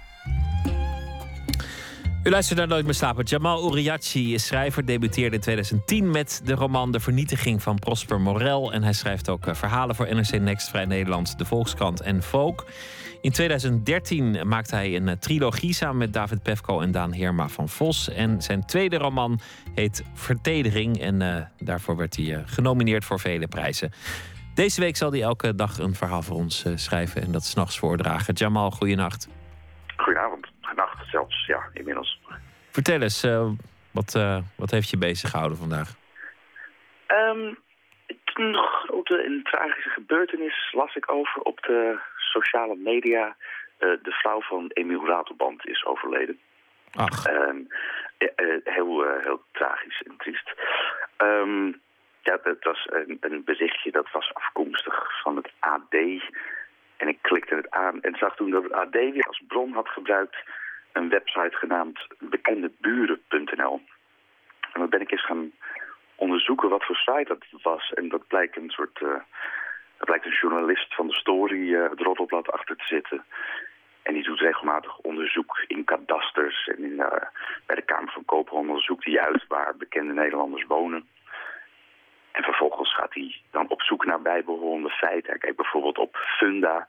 Als daar huizen van bekende Nederlanders te koop zijn, dan zet hij de foto's op zijn site, zodat de eh, ja, bezoeker ehm, een kijkje kan nemen in het interieur van bekende Nederlanders. Hij zoekt eh, op Marktplaats wat voor dingen eh, bekende Nederlanders allemaal eh, te koop zetten. Zodat we een zeer intiem kijkje krijgen in eh, het leven van de bekende Nederlander. En in dit geval was er, eh, was er dus iemand overleden. En dat, dit bekende buren is eh, de bron dan zeg maar voor daar- het AD. Ja, blijkbaar heeft hij daar dan eh, twee feiten aan elkaar gekoppeld. Eh, de kennis van de adresgegevens van Ratelband en misschien een politiebericht of iets in die zand. Ja, dus dat is eh, ja, een prachtige vorm van, van journalistiek eigenlijk. Daar, heb ik een, daarom heb ik een ode aan de rioolpers geschreven. Nou, ik ben benieuwd. Ga je gang. Oké. Zij weten dat ik recht op jullie heb. Zij zijn leveranciers van onmisbare waren. Waarheid wil ik. Weten waar vader Abraham zijn boodschappen doet. Hou alles voor me bij. Was dat een deurwaarder bij Filemon op de stoep? Hoe heet de psychiater van Joep? Steekt Frekem wekelijks in die bleke maîtresse? Waarom is Anouk verhuisd? Vanwege stalkers, lees ik. Haar nieuwe adres hebben ze uit het kadaster opgetrekt. Hoofdstraat 15. 200 meter voorbij de Albert Heijn, mocht u een keertje in de buurt zijn. Waar woont Katja deze dagen? Wie verliet vanochtend haar appartement? Is die vibrator, aangeboden op gebruikteerotica.nl, echt wel van Patty geweest? En hoe weet ik dat zeker? De pyjama die al weken op marktplaats staat is van meneer Cactus voor een tientje te krijgen. Een shirt van Georgina dat naar oksel geurt. Een speedo van Gordon waar het warme aroma van piemel nog in rondwaart. Tweede kuts mini-stringetjes van kindsterretjes, 5 euro per stuk. En wat schenkt ons het riool van Wes en Jo? Geen bloedsporen, al maanden niet. Maar dat Jo zwanger is, wist ik al. Te laat. Wees scherper. Ik heb recht op hun bijbelse menselijkheid. Duik bij de cosmetische kliniek in plastic tonnen met BNR-mayonaise. Een romige emulsie van weggezogen kwabben. Wie is er hoeveel kilo afgevallen? Heeft Amalia al schaamhaar? Het bewijs in de vuilnis van het paleis significant meer wegwerpscheermesjes. Verzamel scheidingen. Breng ons verhalen uit de afkikkliniek. Leveranciers van onmisbare waren. Laat zien hoe zij groots blunderen. Van de hemel in de drek pleuren. Glunderen van mislukking. Onze supernova's. Al dus eh, jouw ode aan de riooljournalistiek. Ja, Ja, ja. het is, eh, het is inderdaad wonderlijk wat mensen allemaal willen weten... en waarom het sommige mensen zo enorm fascineert. Het eh, lief en Ja, leed van de, de prominenten. Ja, echt, echt vind ik het walgelijk, maar ik vind het ook wel weer eh, inderdaad... eh, het, is blijkbaar iets heel menselijks, want het, is ja, uiteindelijk... In de oudheid, de, de, alle Griekse mythen gaan ook over de smeerlapperij en de overspelpraktijken van, van goden. En in de Bijbel komen allerlei duistere praktijken voor. Blijkbaar willen we toch dat die, die, die mensen die we enerzijds heilig eh, verklaren, ook heel graag eh, van hun eh, ja, minder charmante kant zien. Ja, eerst, manier. eerst op het voetstuk zetten, waar ze natuurlijk eigenlijk helemaal niet helemaal. Ik bedoel, dat voetstuk bestaat helemaal niet echt, die glamour hemel. Nee. En dan ze er weer vanaf stoten en dat dan weer gebruiken als een achtergrond voor universele verhalen over eh, trots, schaamte, verraad en eh, ja, andere narigheid. Toch, ja. Ja, ja. Ja, het lijkt inderdaad op de Griekse wel, mythologie. ja, ja, en ik kan ook wel heel eh eh, hoog tafel doen over de literatuur die ik zelf schrijf. Maar in feite zijn er natuurlijk ook allemaal verhalen die... eh, ja, intieme menselijke praktijken weergeven. Ja. Dus- maar die, die bladen worden, worden wel altijd heel slecht geschreven hoor. Ik bedoel, dus het is, het ja, dat is jammer. Hè? Dat is, dat, taalkundig. Dat is. Ja. Ja, dat mag nog wel iets beter. Dus, dus meld je aan. Daar Jamal, zit het verschil. Ja. dankjewel. eh en een goede Ja. nacht en graag weer tot morgen. Oké, tot morgen, Pieter. Deze week verscheen een album met eh, een live registratie van het concert dat de Amerikaanse groep Eels vorig jaar gaf in de Royal Albert Hall in eh, Londen. En eh, nou ja, live plaat, het is altijd een beetje een verplicht nummer, maar we gaan toch luisteren naar iets van Eels. Van het debuutalbum uit 1996 dan maar, Beautiful Freak.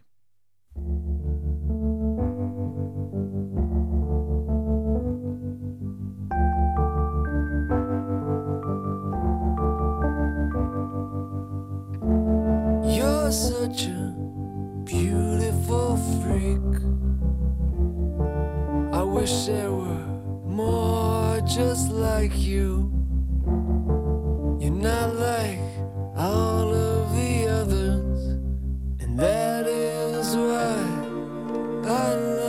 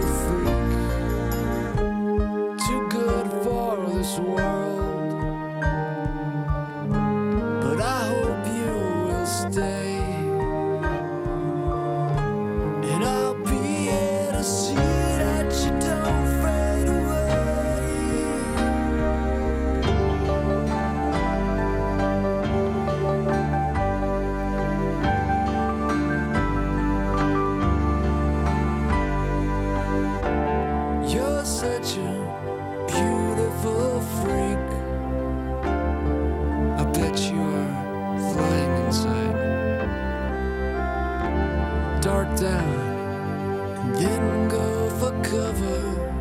And know that I, I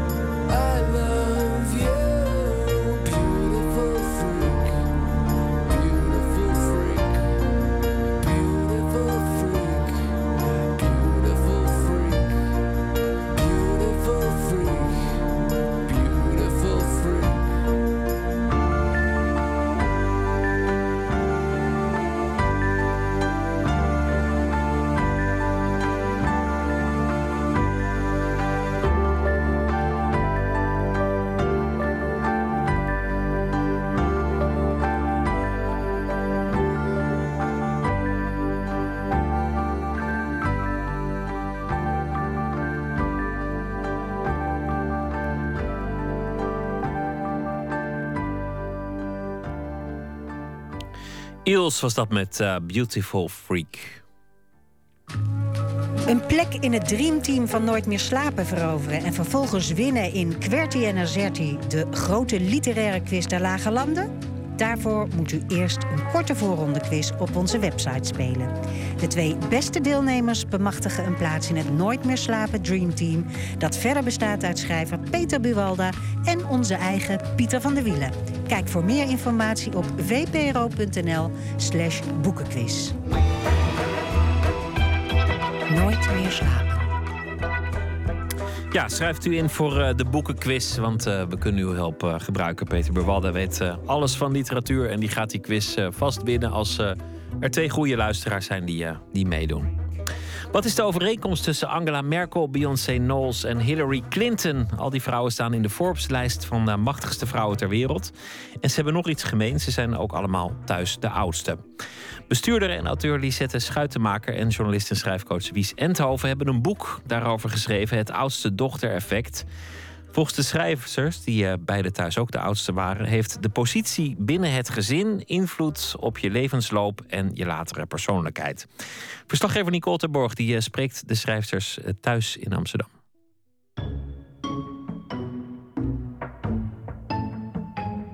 Wat was het moment? Het moment dat jij je realiseerde dat jij de oudste was? Ja, nou ja, van toen mijn broertje werd geboren natuurlijk. Hè. Alles werd opgeschreven en bewaard, waardoor wij een dag later of twee dagen later hier op deze grote vloer in Lisetterhuis helemaal bezaaid met papieren, met stippen erop, met teksten erop, met tekeningen, met schilderijen. Alles, alles eh, van die oudste dochters die, zoals wij achteraf eh, heel plichtsgetrouw en serieus keihard gingen werken die middag om ons alles te vertellen. Wies Endhoven heeft het over de oudste dochterdag. Op deze middag, een jaar geleden, kwamen meer dan 100 vrouwen samen om te praten over een leven als oudste dochter. De schrijfsters organiseerden deze dag om informatie te verzamelen voor hun boek. Ze stelden dezelfde vragen zoals dat nu ook doen met Rut Sinkler. Ook een oudste dochter. Dus op, vanaf mijn tiende. Maar dan ook echt. Maar reageerden je ouders ook op die manier? Ik bedoel, eh, hè, geef jij het flesje, doe jij de... Ja, op een gegeven moment, eh, het, het, het ging misschien best wel een beetje ver bij ons. Mijn moeder heeft altijd fulltime gewerkt. En mijn vader natuurlijk ook. Dus vanaf mijn twaalfde zeker. Ehm, ik bracht mijn broertje naar school. Ik eh, haalde hem 's ochtends uit bed, eh, wassen, aankleden, ontbijten. Wat hij tot de dag van vandaag niet wil. Dus dat was altijd ruzie. Ik zat eh, bij de uitgever en hij vertelde iets over zijn gezin. En ik zat echt met open mond te luisteren. Want ik dacht, het lijkt wel alsof hij mijn gezin beschrijft. En ik zei, nou, daar denk ik al heel lang over na.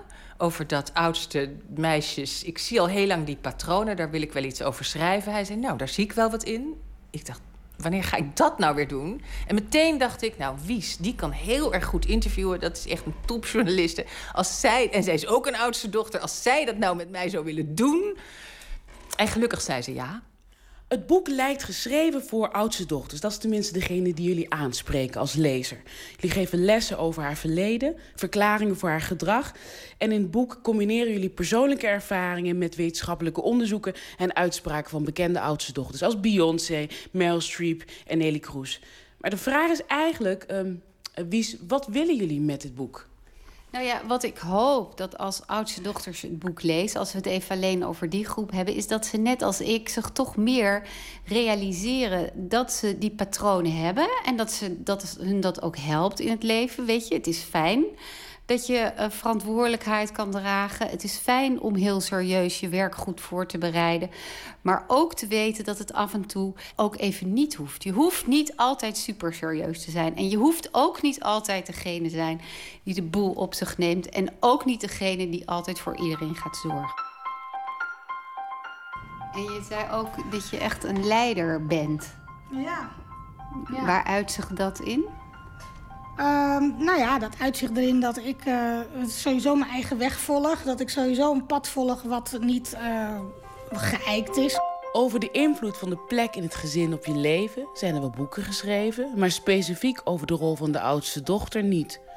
Volgens de schrijfsters is er sprake van een oudste dochter-effect. Eerstgeboren meisjes ontwikkelen zich langs dezelfde lijnen. Ze hebben soortgelijke eigenschappen. Het zijn er vijf. De, de eerste is het grote gevoel van verantwoordelijkheid. Je overal verantwoordelijk voor voelen. En echt geloven dat jij verantwoordelijk bent. Voor het geluk van anderen, voor de wereld. Eh, het tweede is het plichtsgetrouw. Heel plichtsgetrouw zijn. Jij doet, als je iets beloofd hebt, dan, nou ja, al moet het tussen drie en vier s'nachts, jij zal het wel doen. We zijn ongelooflijk serieus. We pakken alles heel erg serieus aan, tot op het punt dat je soms ook zelfs een grapje niet begrijpt, omdat je denkt dat het anderen net zo serieus zijn als zij.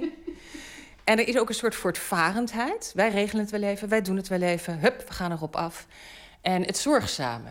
Willen zorgen voor anderen, willen zorgen voor de wereld. Maar zijn er nou typisch kenmerken van oudste dochters? Geldt het ook niet voor middelste dochters of jongste dochters of jongste zonen? Nou, ik denk, het is niet zo dat wij die eigenschappen willen claimen. Maar het is wel zo dat we ze eigenlijk allemaal wel hebben. En dat ze bij ons echt heel prominent aanwezig zijn. Dat ze ons een beetje bepalen. Wat oudste meisjes doen is dat als ze denken van oei, een tweede. Ik dacht dat ik de leukste was hier. Dan gaan ze zorgen, zich verantwoordelijk voelen, langzaam steeds meer.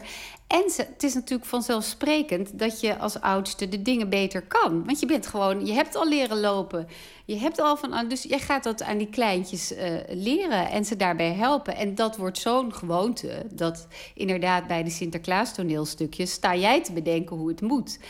En dan tot je verbazing doen die anderen dat ook nog allemaal.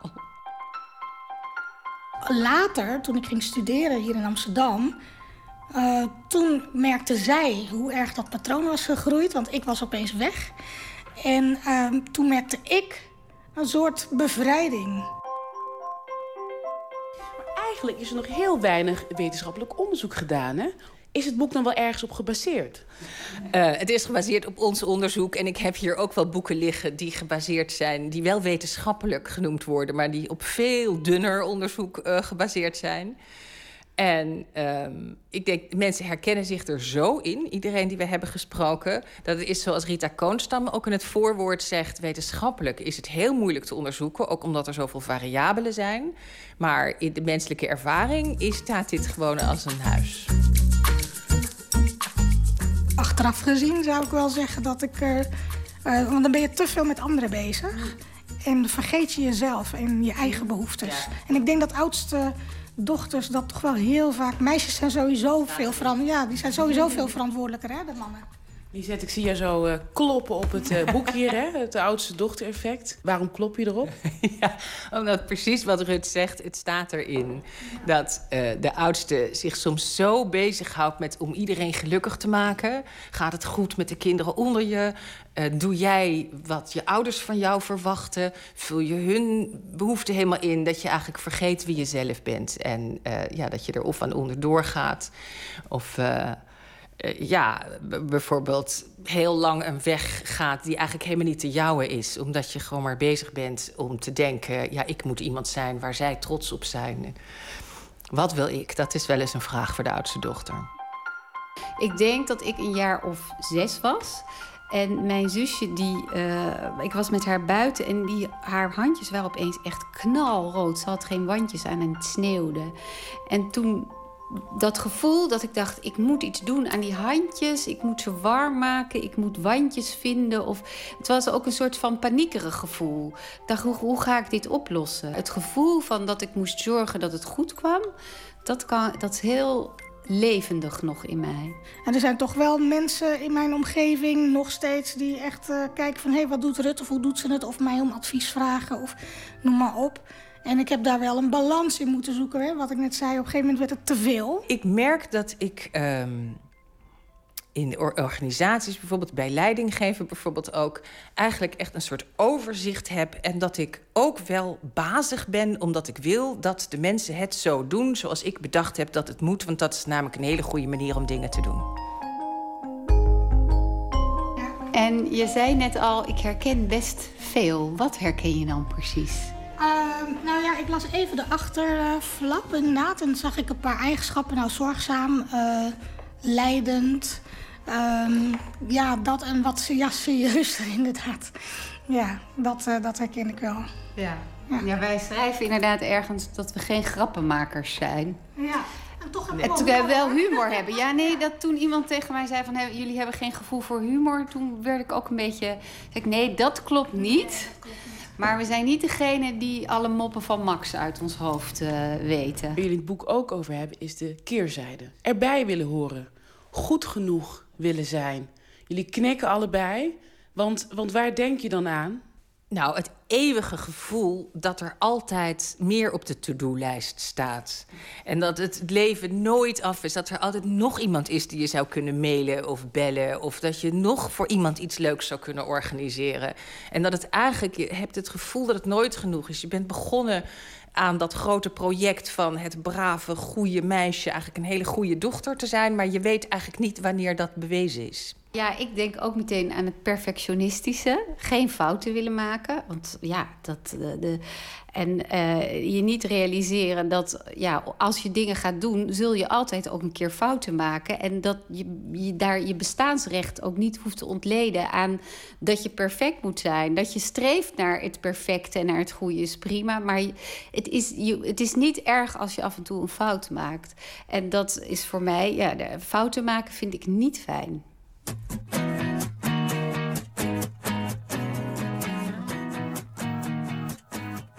Jullie willen een soort hulpboek zijn voor de oudste dochters? Nou, ik wil eigenlijk dat mensen zich herkennen. En volgens mij is het zo: patronen runnen jou totdat jij ze doorziet. En dan heb jij een keus. Dan kun jij de patronen inzetten.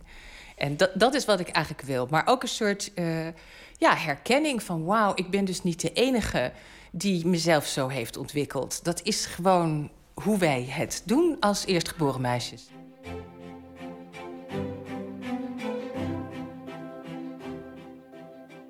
Het eh, boek Het eh, oudste dochter-effect van Lisette Schuitenmaker en Wies Endhoven verschijnt morgen. 1968 en eh, nou ja, Ike en Tina Turner. I am a motherless child.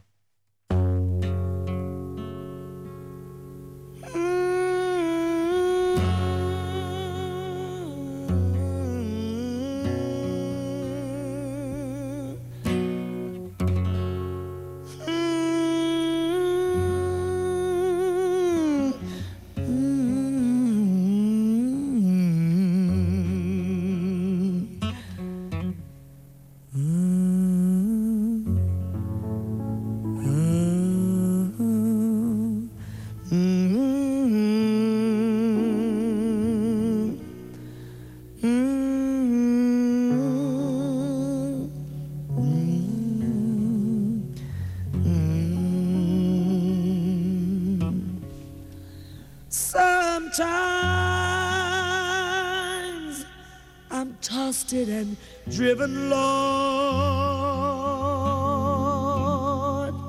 Sometimes I don't know where to go. My mother and father won't own me. So I'll try to make heaven my home. Talking about a child that do love Jesus. Here is one. Here is one. You're talking about a child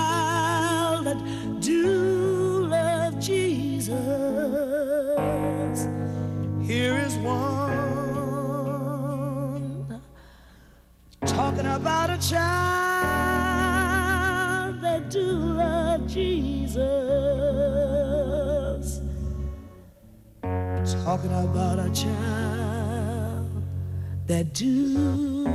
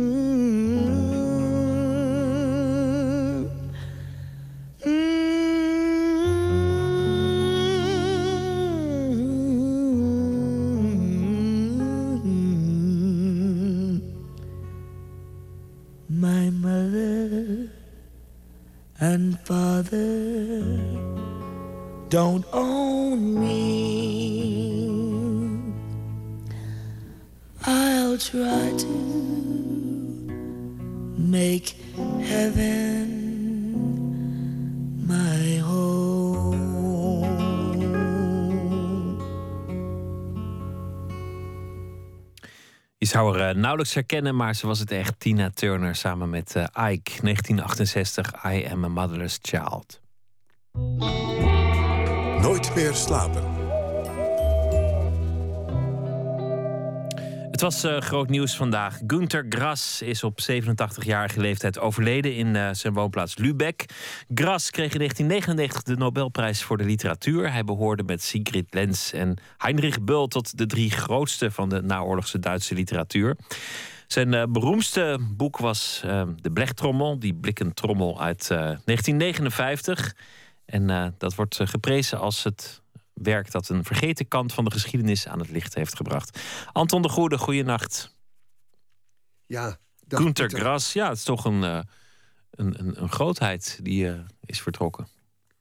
Ja, een grootheid. Hè. We, hebben, eh, we hebben hem vandaag. We hadden eigenlijk een trailertje klaarstaan met een fragment van de Duitse televisie. Dat laten we even zitten. Heel veel aandacht op de Duitse tv, ook op de Nederlandse radio, et cetera, et cetera.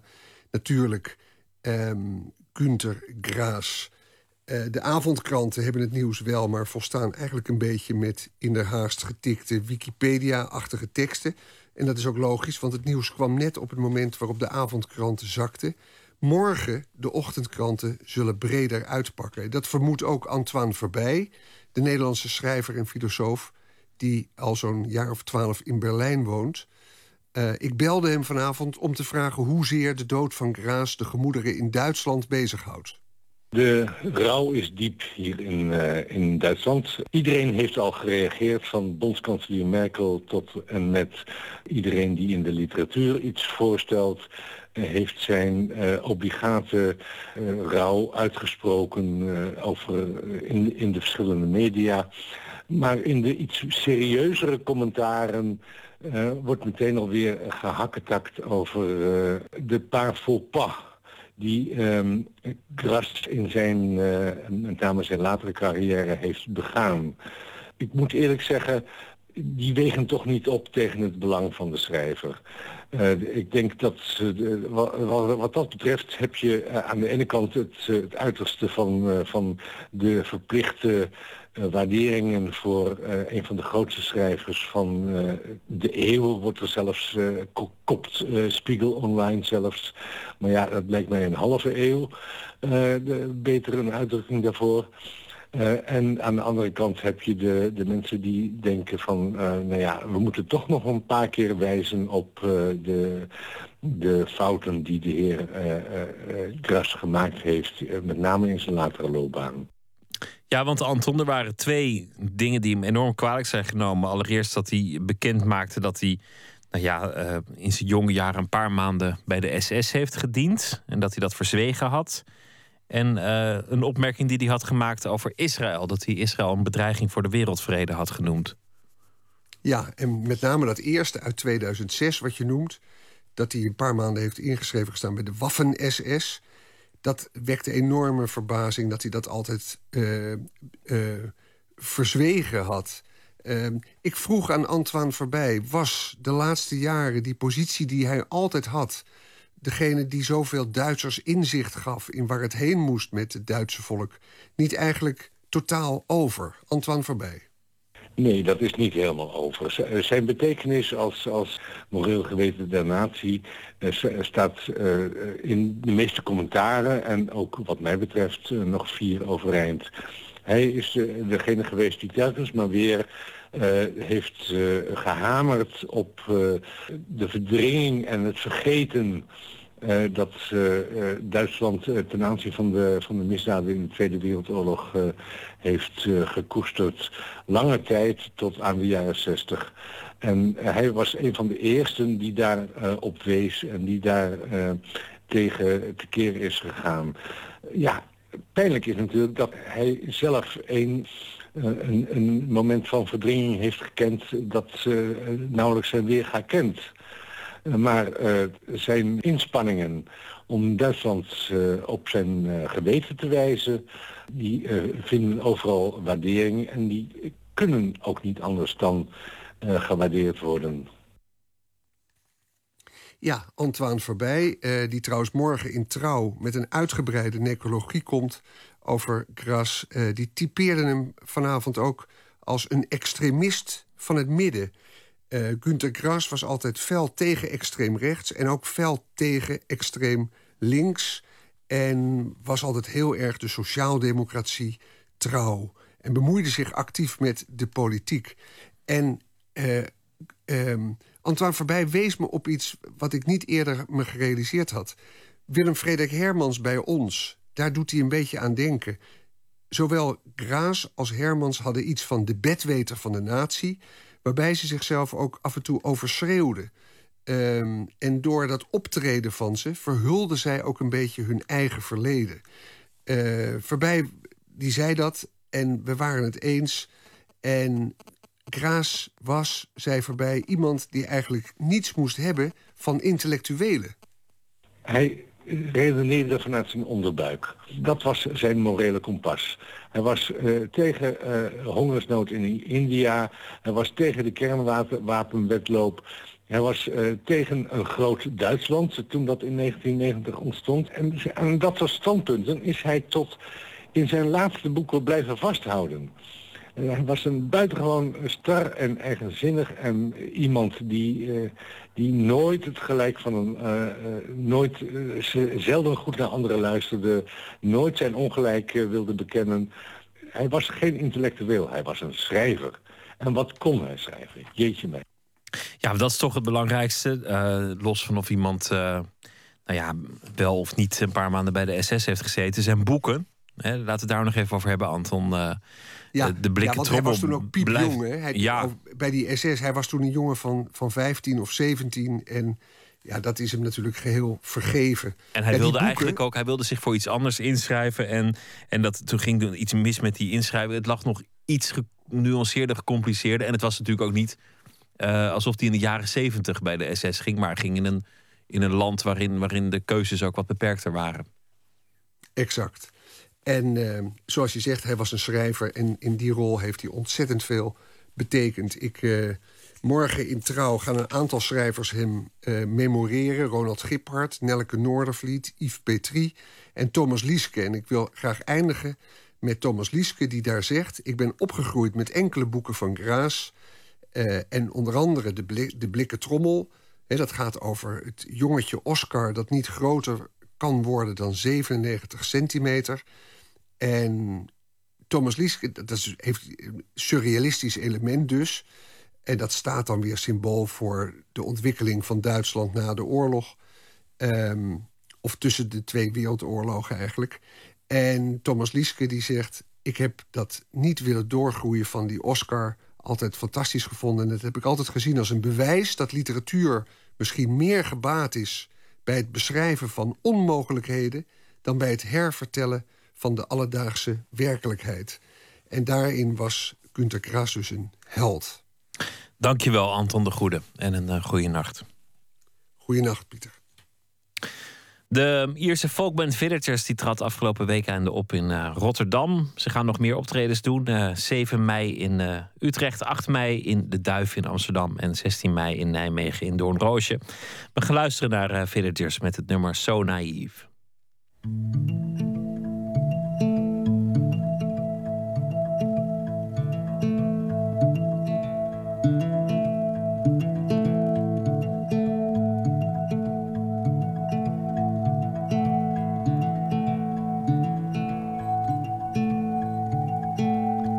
I believe that I'm part of something bigger.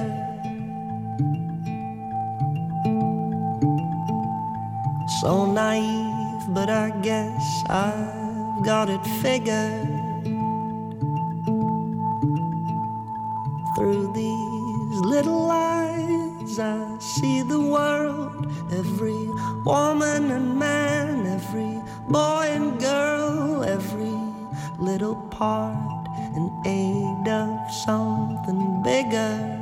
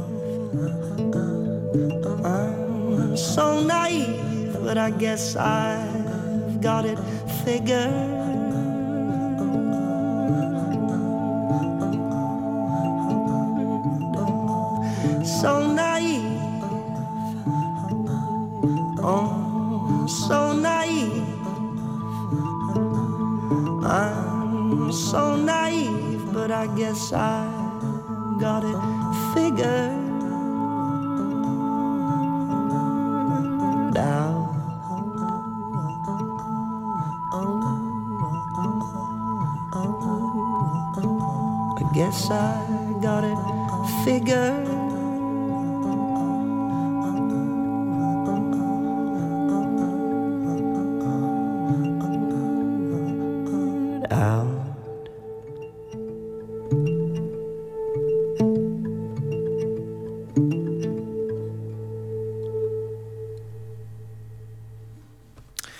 Villagers was dat eh, uit eh, Ierland. Eigenlijk een eh, eenmansband rond Conor O'Brien. Het nummer heette Naïef. Nooit meer slapen. Nou, het lijkt dat eh, de winter langzaamaan toch wel echt voorbij is. En dus is het eh, weer een seizoen om wat door de duinen te zwieren. En dat kan in het echt, maar het kan ook in het eh, museum, het Haagse Historisch Museum. Want daar is een tentoonstelling geopend over het duinlandschap in de Nederlandse schilderkunst. Van de 17e eeuw tot heden. Een verslag van Gijsbert van der Wal. We hebben hier beperkte ruimte voor tijdelijke tentoonstellingen. En ja, we wilden toch gewoon heel veel laten zien. We konden ook gewoon heel moeilijk kiezen. dus je hebt gewoon alles opgehangen? Nou, nee, het is ook nog heel veel afgevallen. Maar, eh, Dat zou je niet zeggen als je hier doorheen loopt, hè? Nee, nee, nee. Het is bijna eh, een 19e-eeuwse opstelling... Hè, met dingen die boven en onder elkaar hangen. Maar dat eh, heeft ook wel iets charmants, vind ik eigenlijk. Het is heel fijn. Mensen nemen de moeite om helemaal Den naar Den Haag te komen... om een tentoonstelling te zien. Dus dan moet je ze ook veel laten zien. Ja, ze kunnen meer dan 100 werken hier eh, komen bekijken. Ja. Lex van Tilborg van het Haagse Historisch Museum maakte de tentoonstelling Op het Duin samen met gastconservator Boudewijn Bakker. Ja, aan de ene kant is het vreselijk moeilijk en het is een ongelooflijk waagstuk. Om, om kunstwerken, met, met poëzie gaat het nog makkelijk. Het is allemaal letters. Dat kun je nog wel bij elkaar voegen in een boek. In een boek, ja. Maar kunstwerken, al is het dan ook op één thema... om die uit vier eeuwen bij elkaar te groeperen en dat, en dat thematisch... Ja, dus Dat- ook nog eens de chronologie helemaal overhoop te gooien. Ja, ja, dat betekent dat je dus hier in de grote zaal... eh, zonder veel moeite een 17e schilderij van een jachtpartij van Haremer Bleker...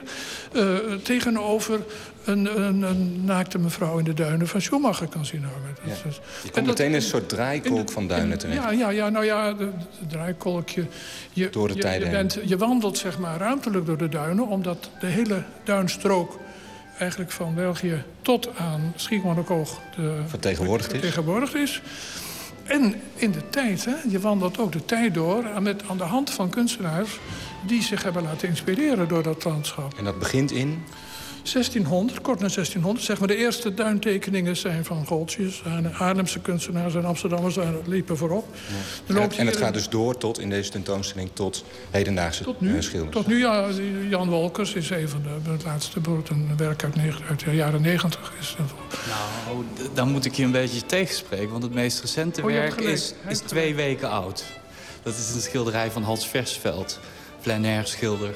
Eh, die dus de afgelopen weken nog in de duinen eh, hier eh, bij Meijendel, vlakbij Den Haag, heeft gewerkt. En die kwam dat hier vorige week nog binnenbrengen eh, met de boodschap: pas op, het is nog nat. Van Johanna Kwispel hangen op de tentoonstelling twee pasteltekeningen. Dit is de Slufter. De slufter. De Slufter op Texel. Dat is, ehm, dat is zo'n gebied wat eh, droogvalt bij eb en Ah ja. min of meer. En dan weer een beetje volloopt bij vloed. De zee kan er naar binnen. En dat is uniek in Nederland. Dat heb je geloof ik ook niet op de Schelling op de Bosplaat. De zee komt, de zee komt dus tussen de duinen. Ja. eh, eh, En dan gaat dan weer terug. en gaat weer terug. Eén dus keer per dit dag. zijn de duinen en die gaan dan verder weer gewoon door als duin. Dus dit is eigenlijk een mengvorm van zee en duin. Ja. En- Want Ja. in de meeste werken die hier hangen zie je alleen maar duinen... die de zee aan het zicht onttrekken. Eh, ja, maar je hebt natuurlijk... De duinen zijn breed. Het is een breed gebied meestal. Dus je hebt veel duinen die zijn enorm begroeid. Maar tegen de kust aan, dan zie je ook dat ze steeds witter worden. Zanderiger. En dit zijn echt van die kustduinen. En daarachter heb je de zee. Dus hier, als je hier de hoek omgaat, dan loop je op het strand. Ja. En dat dat kustduinen zijn en dat ze steeds lichter worden... dat is ook duidelijk te zien in jouw pastellen. Ja. Het is een soort oplichtende strook in de verte. Ja. Op de opening van de tentoonstelling is nog een andere doorgewinterde duinenschilder, Chris Spinhoven. Ja, wat is er mooi aan het schilderen in het duin? Het is ehm, heel afwisselend. Je hebt eh, niveauverschil. Je hebt eh, een heel mooi gedempt palet. waar dan kleine accenten, zoals nu hier dat die rode accenten van uitlopende berkenboompjes of uh, felgele mosjes die ontstaan. Maar het blijft toch, het is nooit zo schel als wanneer je een, een, een veld zonnebloemen of een veld koolzaad. Het is, ja, dat, dat vind ik mooi. En wat fijn is, is dat je altijd uit de wind kunt staan. Want je hebt altijd wel, uh, kun je een hoekje vinden dat je een beetje ja, je schilderijtje niet wegwaait. Want, die duimpannen zijn een soort natuurlijke windschermen. Het zijn natuurlijke windschermen en die bomen natuurlijk ook. En uh, het ruikt er lekker. ja, maar dat is wel, dat is wel dat prikkelt de zintuigen. Ik bedoel, elk, elk zintuig wordt er wel geprikkeld in, in het duin. Dus... En het ruikt dan naar zand of naar zee? Ja, heel kruidig. Het is uh, heel kruidig. Uh, het is een van de lekkerste geuren die ik ken. Als je binnenkomt fietsen in het duin, dan, dan denk je al ha. Maar ja, die geur kun je niet schilderen. Nee, je kunt de geur niet schilderen. Ik vind wel dat bij een goed duinschilderij ruik je hem er wel bij. Dat, dat, het moet wel die geur oproepen.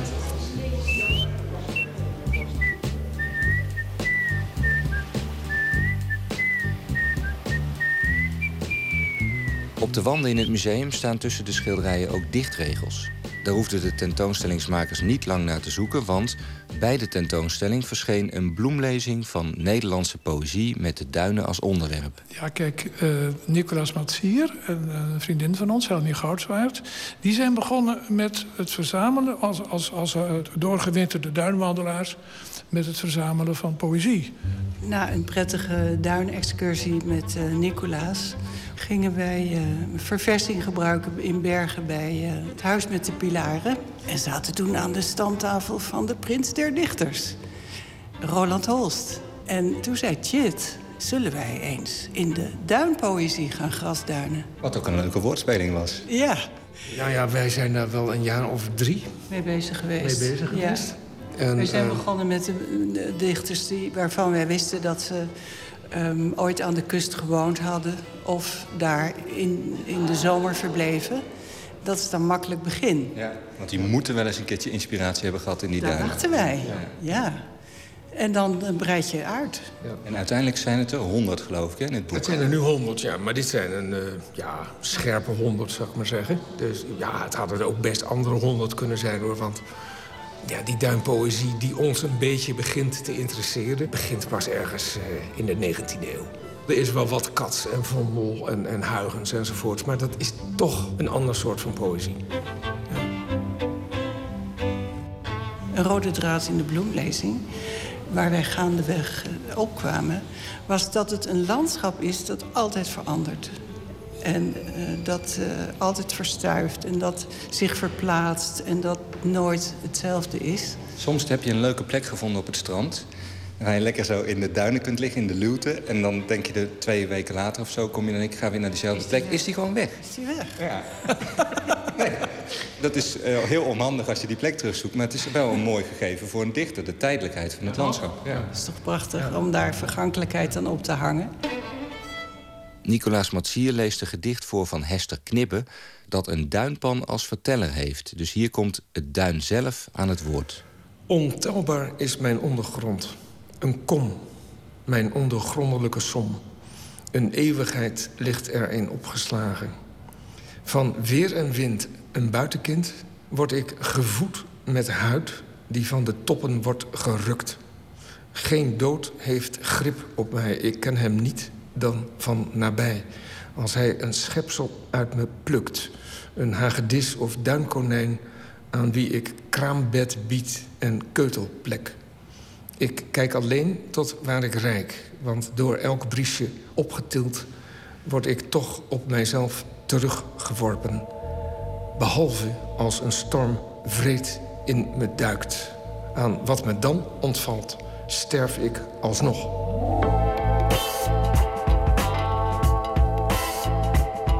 Bij Van Heiningen, een galerie aan het noordeinde op loopafstand van het museum, is nog meer werk te zien van hedendaagse duinenschilders. Johanna Kwispel en Chris Pinhoven doen eraan mee, maar ook bijvoorbeeld de jonge Haagse schilder Titus Meeuws. Het rechte schilderij is een schilderij van het fietspad van Katwijk naar Scheveningen. Dit stukje is een bocht met een heuveltje. En op die plek waar het naar beneden gaat... staan een aantal behoorlijk grote populieren. En die zie je voor de rest en niet zoveel in de duinen. Hè? Want de duinen die hebben natuurlijk vooral lage begroeiing. Dus allemaal een beetje struikgewas. Daarom ziet dit schilderij ook eruit alsof het niet in de duinen geschilderd is... maar in een park of zoiets. Ja, ja, ja. Nee, dit is, dit is echt in de duinen. Dit is en... niet wat ik me voorstel bij een duinlandschap. Nee, ja, het, het, is, uh, het is daarom wel een van mijn favoriete plekken. Omdat je er zo lekker, vooral s'avonds met dat, met dat strijklicht... wat dit ook een beetje heeft. Dit is geloof ik de ochtend, hoor. Dan heb je hetzelfde licht. Dit is de ochtend. Ik stel me voor, je, bent, je zit op de fiets en je gaat naar het strand. Daar hangt een soort verwachting in de lucht. Ja. Ochtendzon, het wordt een mooie dag. Maar dat is natuurlijk ook wat je met de duinen hebt. Hè? Dat is een verwachtingsvol landschap. Omdat je toch er doorheen komt op weg naar de zee. Ja, terwijl de zee weer zo'n ander landschap is. Hè? Want ik kom zelf graag in de duinen. En de zee die laat ik dan zelfs vaak liggen.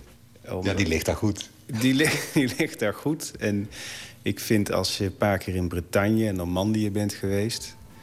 ja, dan vind ik toch onze kust... Uh, nee. Tenzij je in de duinen blijft. Want vooral dat linkerschilderij, als ik daar dan even naartoe mag...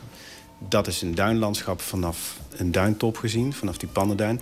Maar dit is toch gewoon hetzelfde wat je ziet in, in Spanje of Portugal, alleen op schaal. Als je dit vijf keer opblaast, dan kijk je naar een olijvenveld. Een beetje een lichtglooiend olijvenveld. Dat, dat vind ik heel mooi in de duinen, ja. Dat, dat gort droge. En dat het inderdaad een Madurodam is van Spanje, ja. Van het Spaans landschap.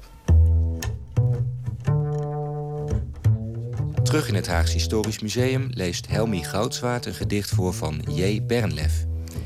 Niets dan verstuiving, rozen van zand verbloeid door de wind... tot akkermelk, distel, buntgras en zandzeggen... hun vederlichte ankers neerlieten in het zand... Zo vormden zich de eerste harige heuvels in een voortvluchtend landschap. Nog altijd bewegen de duinen. De muziek vervlogen, klinkt hun grondmelodie in ritselend helmgas na. En dat gedicht van Bernlef is dus te vinden in de bloemlezing met 100 duingedichten. Net als de tentoonstelling is dat boek een soort wandeling door de duinen en door de tijd. Volgens samensteller Nicolaas Matsier is het bloemlezen van gedichten verwant aan het maken van een schilderijententoonstelling. Als het lukt, dan maak je met een bloemlezing iets dat, dat, uh, dat de gedichten zelf uh, ook weer componeert. In, tot op zekere hoogte, tot weer een, een, een bundel. Een nieuwe bundel in zekere zin, waar ze weliswaar niet uitkomen, waar ze nu opeens in thuis horen. En dat, dat is net zoiets als het inrichten van een tentoonstelling. Ja, want die dingen gaan met elkaar praten, die gedichten. Zoals op een tentoonstelling schilderijen en tekeningen met elkaar een verband aangaan. Ja, en dat mag natuurlijk niet als loszand aan elkaar hangen, dat is duidelijk. Een uh, reportage van Gijsbert van der Wal over de tentoonstelling Op het Duin. Nog uh, te zien tot en met 15 september in het Haags Historisch Museum. Het uh, boek Op het Duin, waarin honderden duingezichten zijn gecombineerd met duingedichten, is verschenen bij uitgeverij Toot. Dallas, Texas, daar vandaan komt zangeres Erika Badu. Ze heeft al vijf albums gemaakt. Uit 2010 kwam dit nummer, Window Seat.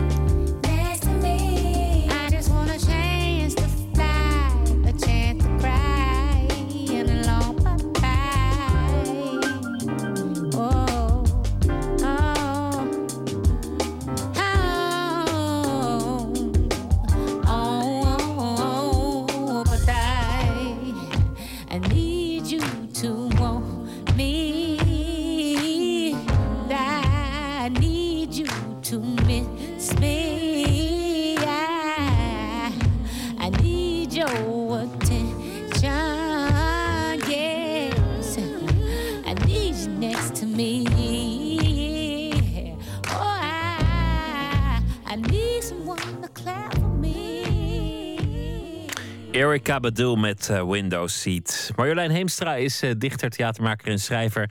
Zal deze week elke nacht een verhaal voordragen. En eh, deze nacht heeft ze gekozen voor Onder een kleine ster van de Poolse dichteres Wisława Szymborska.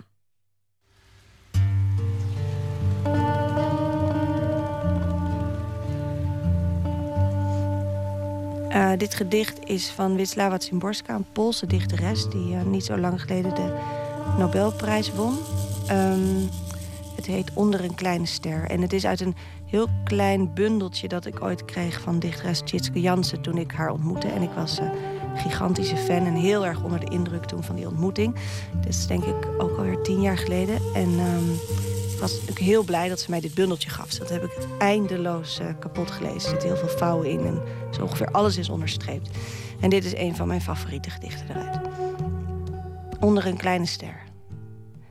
Mijn excuus, toeval, omdat ik je noodzaak noem. Mijn excuus, noodzaak, als ik me niet min vergis. Word niet boos, geluk, omdat ik je als mijn geluk beschouw. Reken me niet aan, dode, dat u smeulend in mijn geheugen kwijnt. Mijn excuus, tijd, dat ik per seconde zoveel wereld over het hoofd zie. Het spijt me, oude liefde, dat ik mijn laatste als de eerste beschouw. Vergeef me, verre oorlogen, dat ik bloemen mee naar huis neem. Vergeef me, open wonden, dat ik me in mijn vinger prik. Mijn excuus, roepende uit de afgrond voor de plaat met het menuet. Mijn excuus, mensen op de stations, dat ik om vijf uur s morgens slaap. Pardon, in het nauw gedreven hoop dat ik soms lach. Pardon, woestijnen, dat ik niet met een lepel water aan kom rennen. En ook jou, Valk, sinds jaren dezelfde, in dezelfde kooi, roerloos starend naar altijd hetzelfde punt, vraag ik om vergiffenis, ook al mocht je een opgezette vogel zijn. Mijn excuus, omgehakte boom, voor mijn vier tafelpoten. Mijn excuus, grote vragen, voor mijn kleine antwoorden. Waarheid, let alsjeblieft niet al te erg op mij. Ernst, betoon je grootmoedig. Duld, geheim van het bestaan, dat ik draadjes uit je sleep bulk. Klaag me niet aan, ziel, omdat ik je zelden heb. Mijn excuus aan alles, omdat ik niet overal kan zijn. Aan alle, omdat ik niet elke man en vrouw kan zijn. Ik weet dat niets me rechtvaardigt zolang ik leef, omdat ik mezelf in de weg sta. Neem me niet kwalijk taal, dat ik pathetische woorden van je leen en vervolgens veel moeite doe om ze luchtig te laten klinken.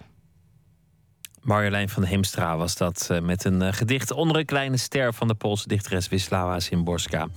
Morgen dan eh, zal ze opnieuw gedichten uitkiezen en voordragen in Nooit meer slapen. Dan te gast schrijver en historicus Nico Dros, geboren en getogen op Texel. En in al zijn boeken, dat zijn er al best wat inmiddels, komt Texel toch altijd weer terug. En de personages komen nooit helemaal los van dat eiland. Dit was het voor vannacht. Ik wens u een hele goede nacht. Morgen een leuke dag en graag weer tot morgen. Straks op NPO Radio 1, de EO. Een hele goede nacht.